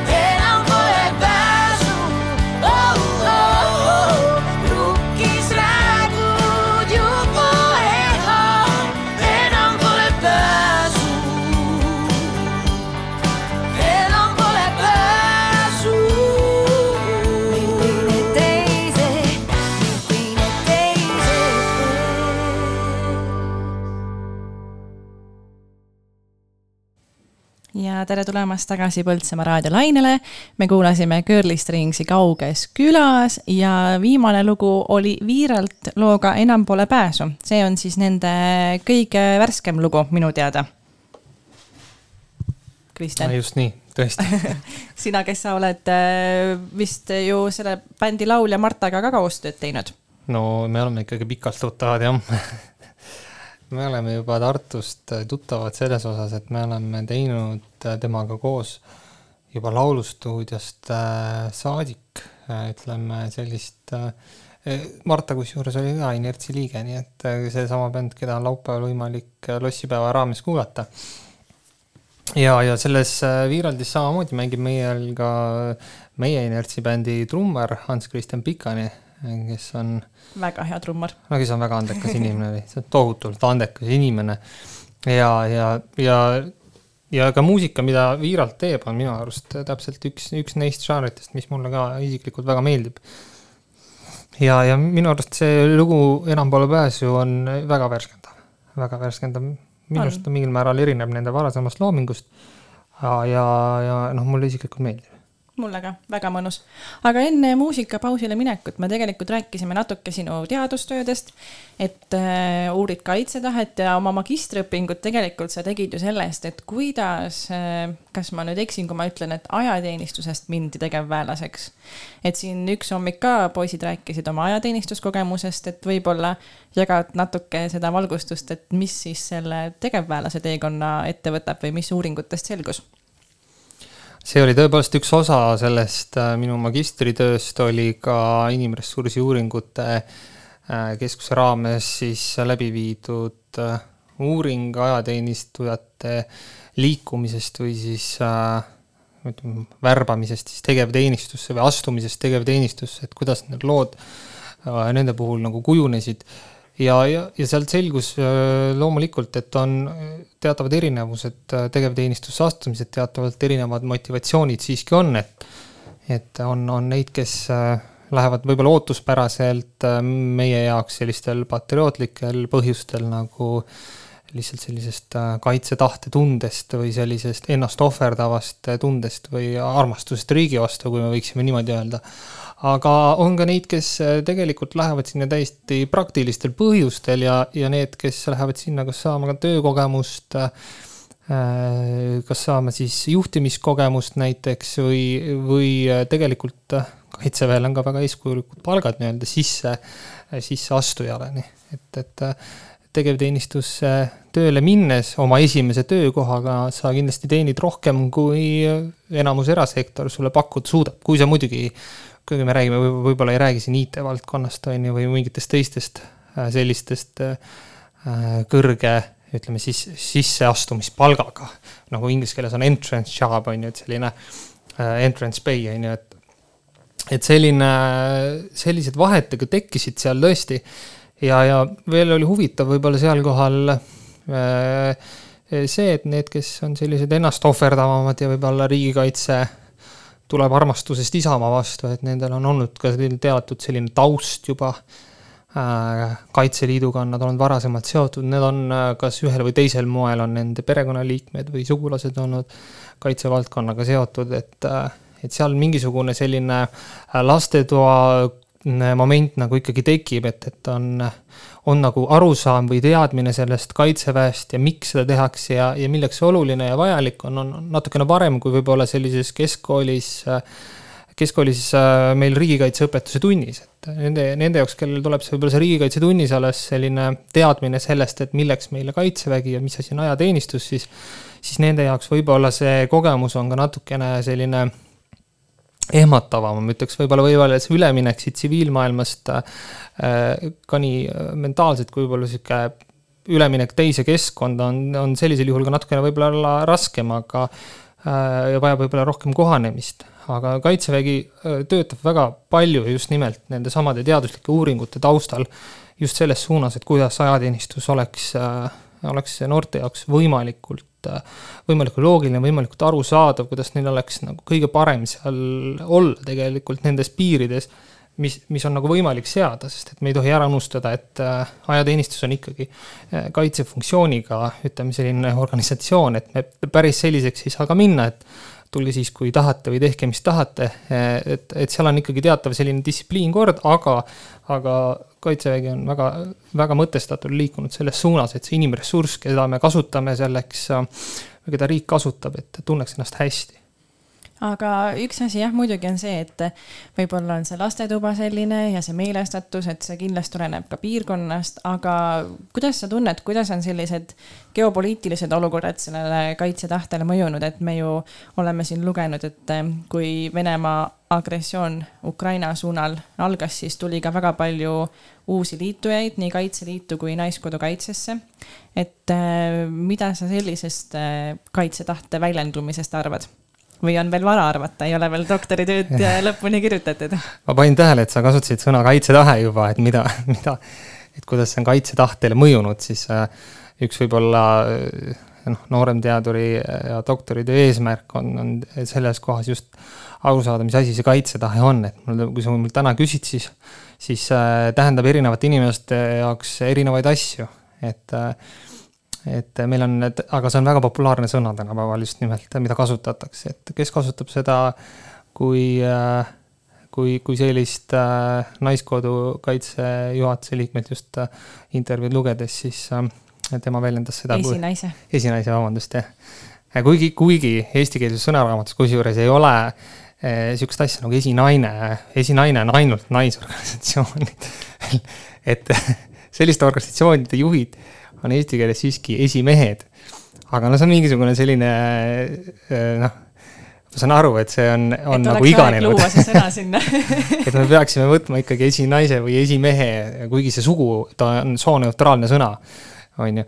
aga see selleks, see on, see selleks, Naiskodukaitse juht tõlgendas seda kui midagi sellist, mida, midagi ennast ohverdavat kaitsetahet, kui, kui soovi kaitsta just nimelt Eesti elanikke ja teha seda justkui enda heaolu arvelt, et, et sina oled see esimene liin, sina lähed ja teed kõike, mida, mida vaja selleks, et need inimesed, kes on kodused või on teised ühiskonnaliikmed, et nemad oleksid kaitstud ja, ja enda nii-öelda heaolust, tervisest selles mõttes ei, ei hooli nii väga, et see on nagu üks, üks vaade näiteks kaitsetahtele, aga, aga ma nimetan ühe sellist, sellise teise, võib-olla mitte nii kvalitatiivse lähenemise siis siis see noh, sõduri jaoks näiteks kaitsetahe tähendab midagi lahingus, mis sisuliselt, ütleme piltlikus vaatevinklis tähendab seda, et kas sa jooksed edasi, täidad käsku, kas sa jooksed tagasi, ehk siis sa taganed ja loobud sellest käsust, on ju ja, ja see on nagu see tahe, mis siis nagu mõjutab sinu otsust järgmisena.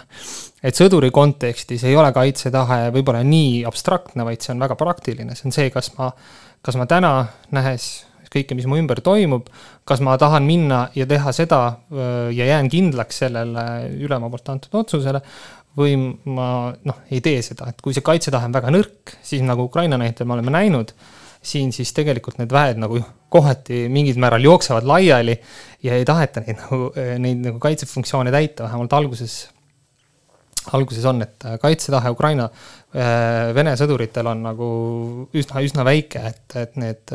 rünnakutahe siis sa tahtsid öelda Vene sõdurite puhul? jah, vot, siin on. siin võib väike segadus tekkida just nimelt. väga hea, et sa selle välja tõid, sest et siin on järjekordne see küsimus, miks seda on vaja uurida, on ju.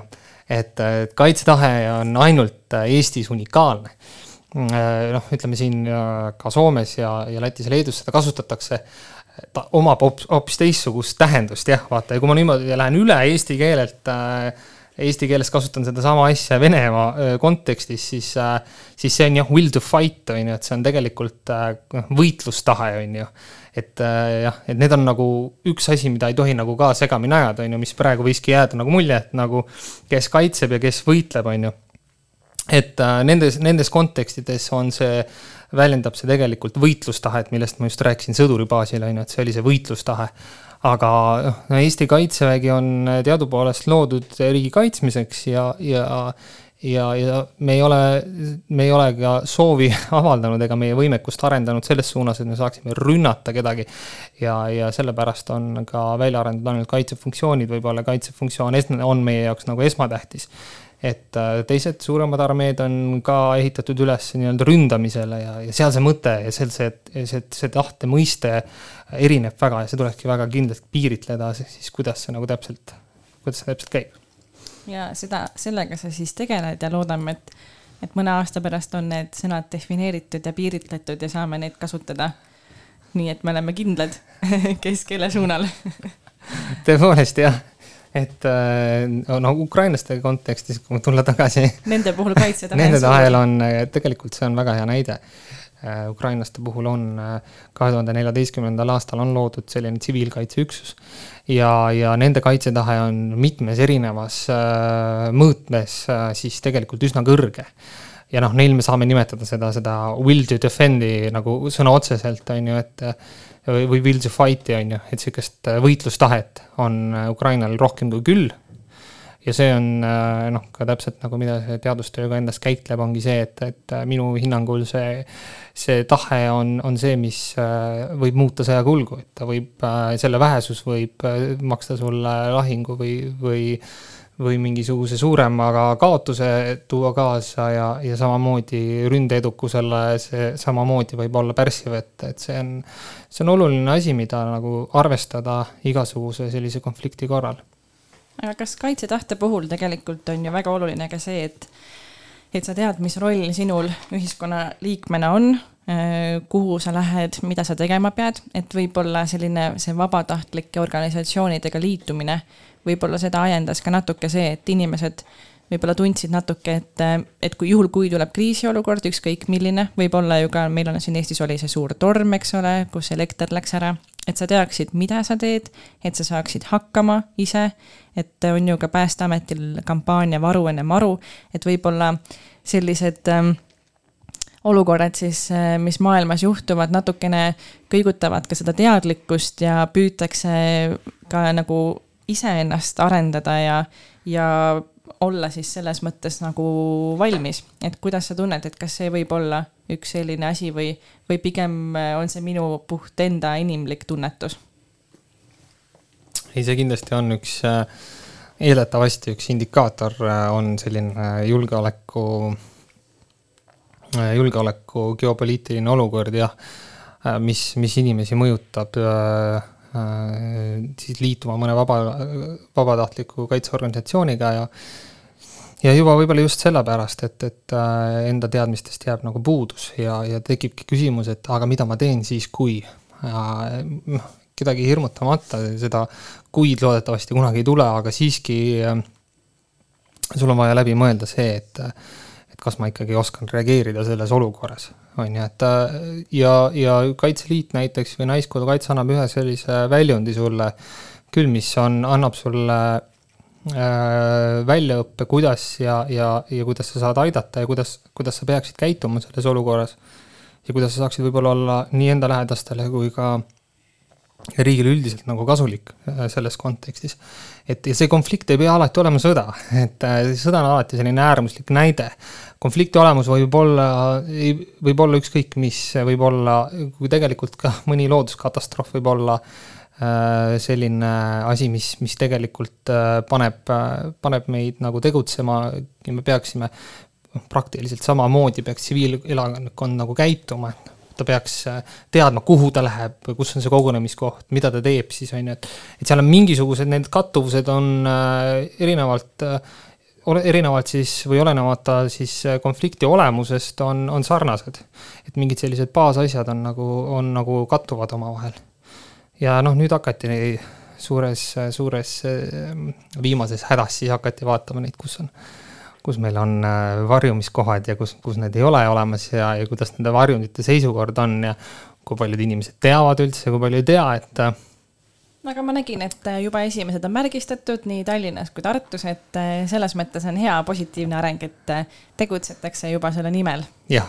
et kõik oleksid teadlikud vaat jah, ega jah, muidugi, alati tuleb olla kriitiline kõige suhtes, et siis see kriitika alati viib edasi edasiviiv jõud, jah? edasiviiv jõud on alati see, kui jah, keegi kritiseerib ikkagi, et võiks paremini ja võiks paremini ja kui sa siis niimoodi edasi lähed, siis kokkuvõttes äh, ilmselt ta paremaks ka läheb ja, ja see, et et kas meil nüüd oli vaja nüüd sellist äh, konflikti asja selleks, et mõista, et tegelikult meie enda tagalas on äh, mingid teatavad äh, noh, nii-öelda tsiviiltagalas on mingisugused puudujäägid, on ju, et inimesed ei tea, kuhu minna või mida teha, on ju, et siis siis nüüd, nüüd vähemalt sellega nagu hakati nagu rohkem tegelema, ma eeldatavasti paari aastaga on see asi nagu lahendatud ja, ja meil on äh, olemasolevad varjendid taastatud ja, ja inimesed teavad juba, kui palju toitu koju varuda ja, ja kuhu võib-olla või kellega ühendust võtta, meil on olemas kriisiraadiod, meil on olemas erinevad äpid, on ju, et loodetavasti telekommunikatsioon on ju, töötab ja noh, see on, see on muidugi riigi enda ülesanne, aga koht, kus sina saad sellist äh, väärtuslikku informatsiooni igasuguse kriisi korral, noh, see on nagu väga oluline. Et see võimalus sul oleks ja see teadmine sul oleks alles jah, see on Ole valmis äpp minu teada peaks olema, et kus saab noh, selles mõttes ka igapäevaeluliste eh, juhtumiste puhul saab sealt juhiseid ja nõuanded, et kuidas ja mida teha, et eh, selles mõttes äh, ikkagi ma ütleks pigem hästi, aga kriitika muidugi alati kuulub ära. aga kuulame siia vahepeale natuke muusikat kuulaks äkki Ruja musta ronka, mis sa sellest loost arvad? Ruja Must Ronk on üks väga-väga võimas lugu. Äh, üks, üks Ruja lemmikumaid lugusid. Ja minu hinnangul on see väga ülihästi välja tulnud neil aga paneme aga eks ta, eks ta veits sellise, jah, ei see on väga. millise, millise? ei, mis millise ei, ta on väga-väga kihvt äh, siukene rockabilly stiilis äh, lugu äh,. et, et paneb jala tatsuma küll, kui kui vaja. aga tatsutame jalga loom teeb trong-tong-tong sihukest häält, arvatakse kurja karja toob. ei ma usu temast halba ilma peal. must rong, lenda, lenda, lenda must rong, lenda, lenda, lenda must rong, lenda, lenda, lenda must rong, lenda, lenda, lenda must rong,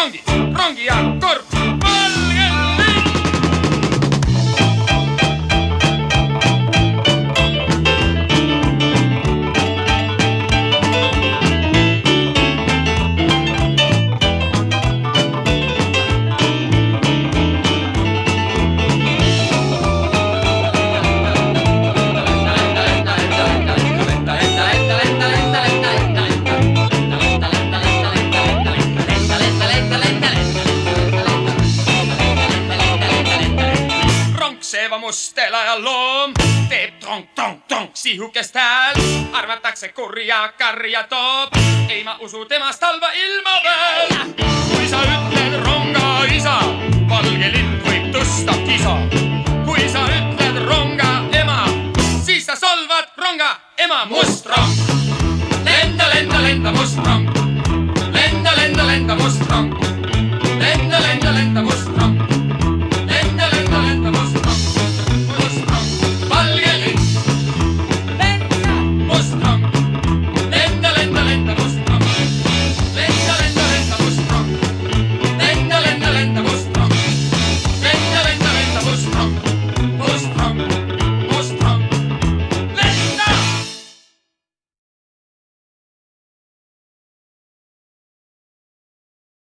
Month May now from me home I started Left the girls at me nearly broken heart Saluted father dear Kiss me darling mother Drank a pint of beer Me grief and tears are smothered enough To reap the corn Leave for I was born Caught a stout black tarn To banish ghosts and goblins Brand new pair of brogues To rat the love of the bugs Frighten all the dogs On the rocky road to Dublin One to three for five Hunt the hare and turn her down the rocky road And all the ways to Dublin Whack for lolly in Mullingar the blight arrested limb. So weary started by daylight. This morning bright and nearly took a drop of the pure. Keep me heart from sinking that's the paddy's cure. When Aries up for drink to see the lassie smile. Laughing all the while at me curious style to set your heart a bubbling ask me was I hired? Wages I required till I was almost tired of the rocky road. To Dublin one to three for five. Put the hair and turn down the rocky road and all the ways to Dublin. Back for Lally in Dublin next to ride I thought it such a pity to be so soon deprived the view of that fine city. Then I took a stroll all among the quality bundle it was told When in a neat locality some did cross me mind. When I looked behind a bundle could I find upon me A wobble inquired for the road. Said me brogue it wasn't much in vogue On the rocky road to Dublin one to three for five. Put the hair and turn her down the rocky road And all the ways to Dublin back for Lally from there I got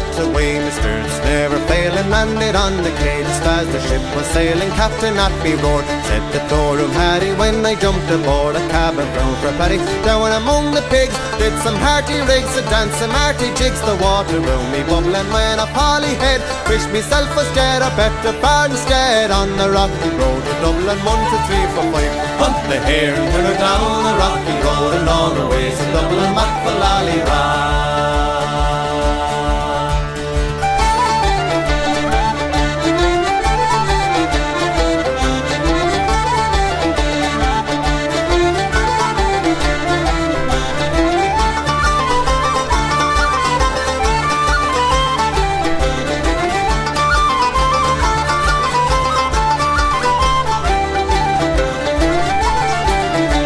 The hare and turn her down. The rocky road and all the ways. To Dublin, Mac for Lally Ah well, the boys of Liverpool, when we safely landed, called myself a fool. I could no longer stand it, blood began to boil. Temper I was losing, poor old and soil, oh they began. It was in haram, my soul says I'm a shillelagh, I'll a fly. Galway boys were buying, saw I was a hobbling with a loud hooray. Join in the affray, quickly clear the way for the rocky road to Dublin, one to three for five. Hunt the hare and turn her down the rocky road and all the ways to Dublin, Mac for Lally Put the hair and turn her down the rocky road and all the ways to Dublin, for Lally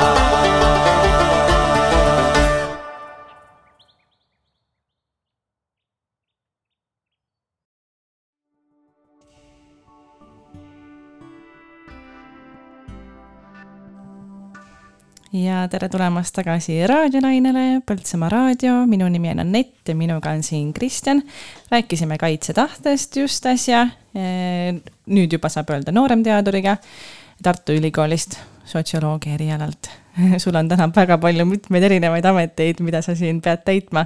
et kuidas sa puhkad muidu, kui kõike seda natuke liiga palju saab, kas hea muusika, see viimane oli ka ju sinu, sinu valitud laul, selline natukene teistsugune tempokas. Äh, suvel, äh, noh suvel tegelikult ei ole nüüd nii kiire, nüüd muusikaga on võib-olla rohkem, aga, aga koolid äh, puhkavad suvel valdavalt kõik ja tegelikult semestri ametlik lõpp on ju augustikuus. Et noh, ja, ja ka ütleme, aktiivsemal perioodil on ju on ju siis selles mõttes Eesti perioodid ka läbi, nii et ametlik suvepuhkus ka, ka ülikoolil, aga, aga muidugi loomulikult ka põhitöökohal on puhkus, nii et äh, puhkuse jaoks on äh, nüüd tekkinud argipäevad ja või tööpäevad ja, ja siis nädalavahetus on võib-olla see, mis on, äh, mis on hoopis, hoopis asendunud nagu tööga. aga eks see muusikatöö on ka pigem nagu selline hobi, et ta ei olegi nagu töö, et, et, et selles mõttes seda nagu võtta sellise mingisuguse koormusena on nagu võib-olla natukene liiga palju. aga mina vaatasin siin vahepeal, meil on jälle fännipilte juurde saadetud, nii et inimesed ikkagi kuulavad, meil on lisandunud fänn nimega Aksel, nii et mm. tere, Aksel. Saatke meile pilte muidugi, võite postitada Põltsamaa raadio lehe peale enda äh, pilte, miks mitte kommentaare, aga need tulid siis meile otse personaalselt postkasti, et on meil juba fänniposti ka kuidas see on muusikutega, kas fännipost on selline tavaline asi, et äh, kirjutatakse pärast või tullakse hiljem juurde, et kuidas selle fännlusega on? jah, see on selline kahe otsaga küsimus äh,. on ikka, reeglina ma olen tähele pannud nende aastate jooksul, et ega kui, kui sa midagi nagu hästi teed või kui sul noh, täna läheb hästi, siis ikkagi tullakse juurde ja öeldakse, et kuule, marudalt panite poisid, vaata. aga kui, kui teed nagu noh keskpäraselt või kuidas ma ütlen, kui sa ise ka ei tunne, et noh, nüüd, nüüd nagu oleks saanud paremini, arenguruumi on, siis äh,, siis tavaliselt on lihtsalt tore. Või noh, mingi isegi selline stiilis tagasiside, aga ma ütlen, et ma olen saanud küll fännikirju ja, ja, ja kunagi ammu ka, kui ma esinesin, kui ma esinesin tudengilaulu peal, kusjuures Tartu Lauluväljakul, kus oli äh, Äh, seal circa kuskil kakskümmend tuhat inimest, siis ma pärast FTK sain ka mõned telefoninumbrid, millele ma ei, kunagi ei helistanud, aga, aga siiski see asi ka veel töötas siis, et jagati telefoninumbreid ja lootuses, et siis artist äh, võib-olla märkas ja võtab ühendust hiljem, aga, aga, aga seda jah ei juhtunud. ei helistanud sellel numbril? ta ei helistanud jaa, ei helistanud vot, aga tegelikult meie hommikuaeg hakkab varsti siin läbi saama, meil on veel viisteist minutit, poisid, meil on veel viisteist minutit. aga ma mõtlen seda, et me oleme homme hommikul ka siin ja tegelikult oli eile raadios on selline saade meil siin nagu Põltsamaa inimesed. et äh, kindlasti kuulake ja kui te just äh, otse-eetris ei saa kuulata, siis on järelkuulamine ka kodulehel poltsamaaraadio.ee. ja tegelikult minu külaline oli Ats Remmelg kes rääkis äh, maailma, maailmas rändamisest, ta käis äh, rattamatkal, esimese korraga sõitis Portugali ja teise korraga Türgini välja, et äh, ma iga kord ikka küsin, et kuidas või miks nagu, et see on minu jaoks tundub nagu meeletu, meeletu maa, kuhu minna, aga tema lood on alati väga värskendavad ja ta on väga hea jutuvestja. Ja tema üks lugu, mida ta äh, lasi raadiokuulajatele ja mis mul siiamaani kummitab, on äh, Eagle Eye Cherry Save the Night. Ja ega enne seda lugu välja ei saa, kui ma seda uuesti raadioeetrisse panen, nii et tuleb korra see lugu ka siit, Save Tonight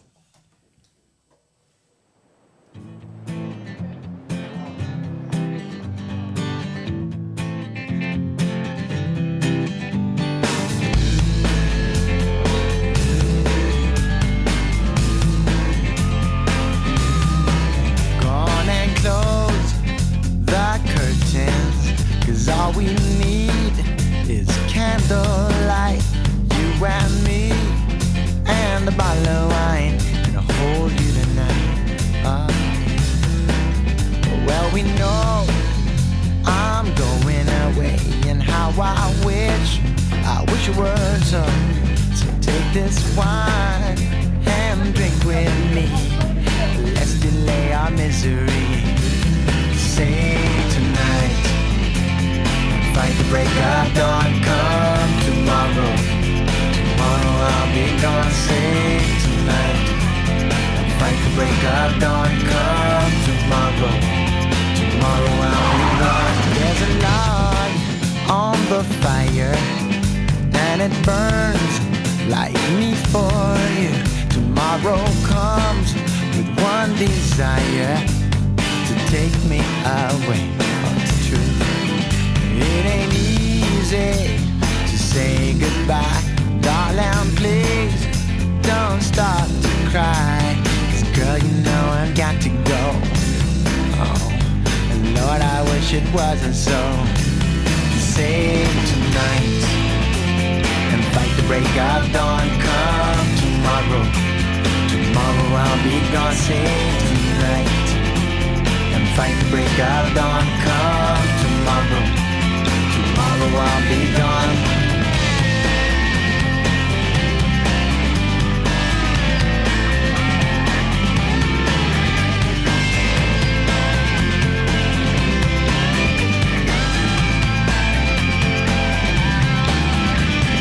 Tomorrow comes to take me away. I wish that I, that I could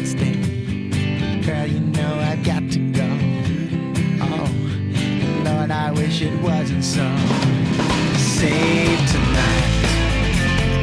Fight the break of dawn. Come tomorrow. Tomorrow I'll be gone. Save tonight. And fight the break of dawn. Come tomorrow. Tomorrow I'll be gone. Save tonight. Fight the break of dawn, come tomorrow. Tomorrow I'll be gone, save tonight. Fight break of dawn, come tomorrow. Tomorrow I'll be gone. Tomorrow I'll be gone.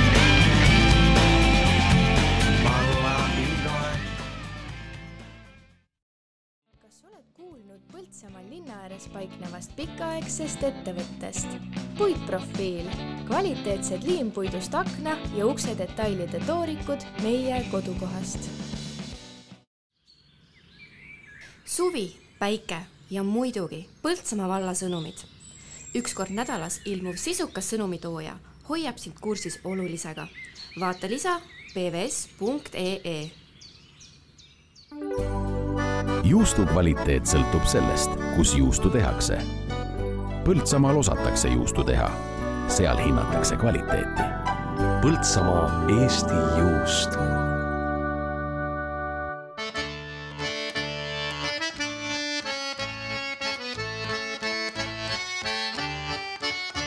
Te kuulate Põltsamaa raadiot sagedusel üheksakümmend koma kaheksa megahertsi ning internetis poltsamaaraadio.ee just nimelt Põltsamaa raadio on eetris, minu nimi on Anett ja minuga on jätkuvalt siin Kristjan. ja tegelikult meie aeg hakkab siin vaikselt otsa saama, meil on veel mitu minutit? Kuus kuus minutit, võib-olla on hea hetk vaadata, et mida Põltsamaa raadio täna meile veel pakub. et kui ma enne ütlesin, et äh, eile oli eetris Põltsamaa inimesed ja sai kuulata Aet Remmelga lugu, siis tegelikult äh, hommikuprogrammi järgselt kohe tulebki äh, järgmine saade Põltsamaa inimestest ja täna räägib teile kõigile Andres Vään oma tegemistest ja toimetustest. kell kaksteist on eetris uudised kaksteist viisteist allhoovus ja kolmteist null null algavad Oma kandi jutud. alates kella kahest saab äh, kuulata Vaeva pead ja pruugi suud, selline programm. kuusteist null null on taas kord uudised äh,, loosikas on kuusteist kolmkümmend. kindlasti võtke osa. Põltsamaa inimesed äh,, taas on Andres Vääri intervjuud võimalik äh, järele kuulata äh, kell seitseteist ja kell kaheksateist taaskord oma kandi jutud on võimalik jälle vaadata. Äh, mis seal siis räägiti, kellel päeval jääb äh, see osa äh, kuulamata. ning üheksateist null on, null null on Vaeva pead ja pruugi suud. kakskümmend üks hakkab siis öömuusika öömuusika ja mis siis viib meid järgmisesse hommikusse, kus taaskord saan teile tere hommikust öelda mina. nii et loodame, et laupäeva hommikul on meil ka siin häid varajasi kuulajaid et äh, kindlasti me kasutame taaskord võimalust ja laseme oma lemmiklaule, et see hommik oleks selline mõnusalt tempokas, aga samas mitte liiga ehmatav, et selline sujuv nädalavahetuse hommik päeva alguse tooks. sest et laupäeval on ju Põltsamaal väga-väga palju oodata. meil on äh, lossipäev, mis algab äh, juba päeval, tegemist on nii suurtele kui väikestele ja õhtul on rahvapidu kus üles astub Justament ja ansambel Inerts. mis lugusid homme kuulata võib ansambel Inertsi repertuaarist? ütle üks lugu ühte lugu te kuulsite Vali juba üks. hommikul mm. -hmm. ja eks neid lugusid on palju, neid on palju ja igale maitsele on neid äh, täiesti olemas äh,. minu kõik lemmiklood on seal sees ja, ja mõningad, mõningad uued ja, ja vanemad lood ja, ja ma arvan, et kõige parema ülevaate sellest saabki kohale tulles. ja umbes kella kaheksaks on sinna mõistlik kohale tulla. õhtusele peole, siis õhtusele. päeval kindlasti on juba varem tegevusi, sinna jääb väike paus ka vahele, on ju.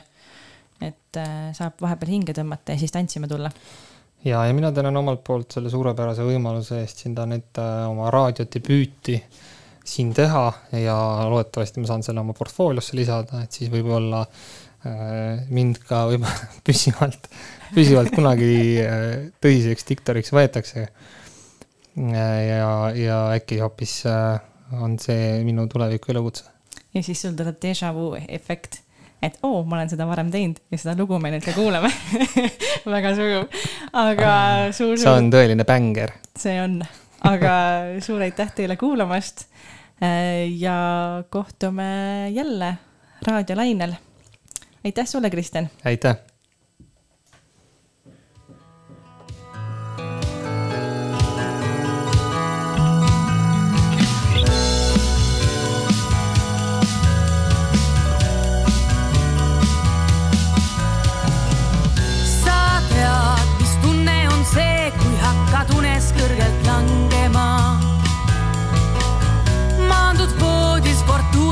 täna tees võib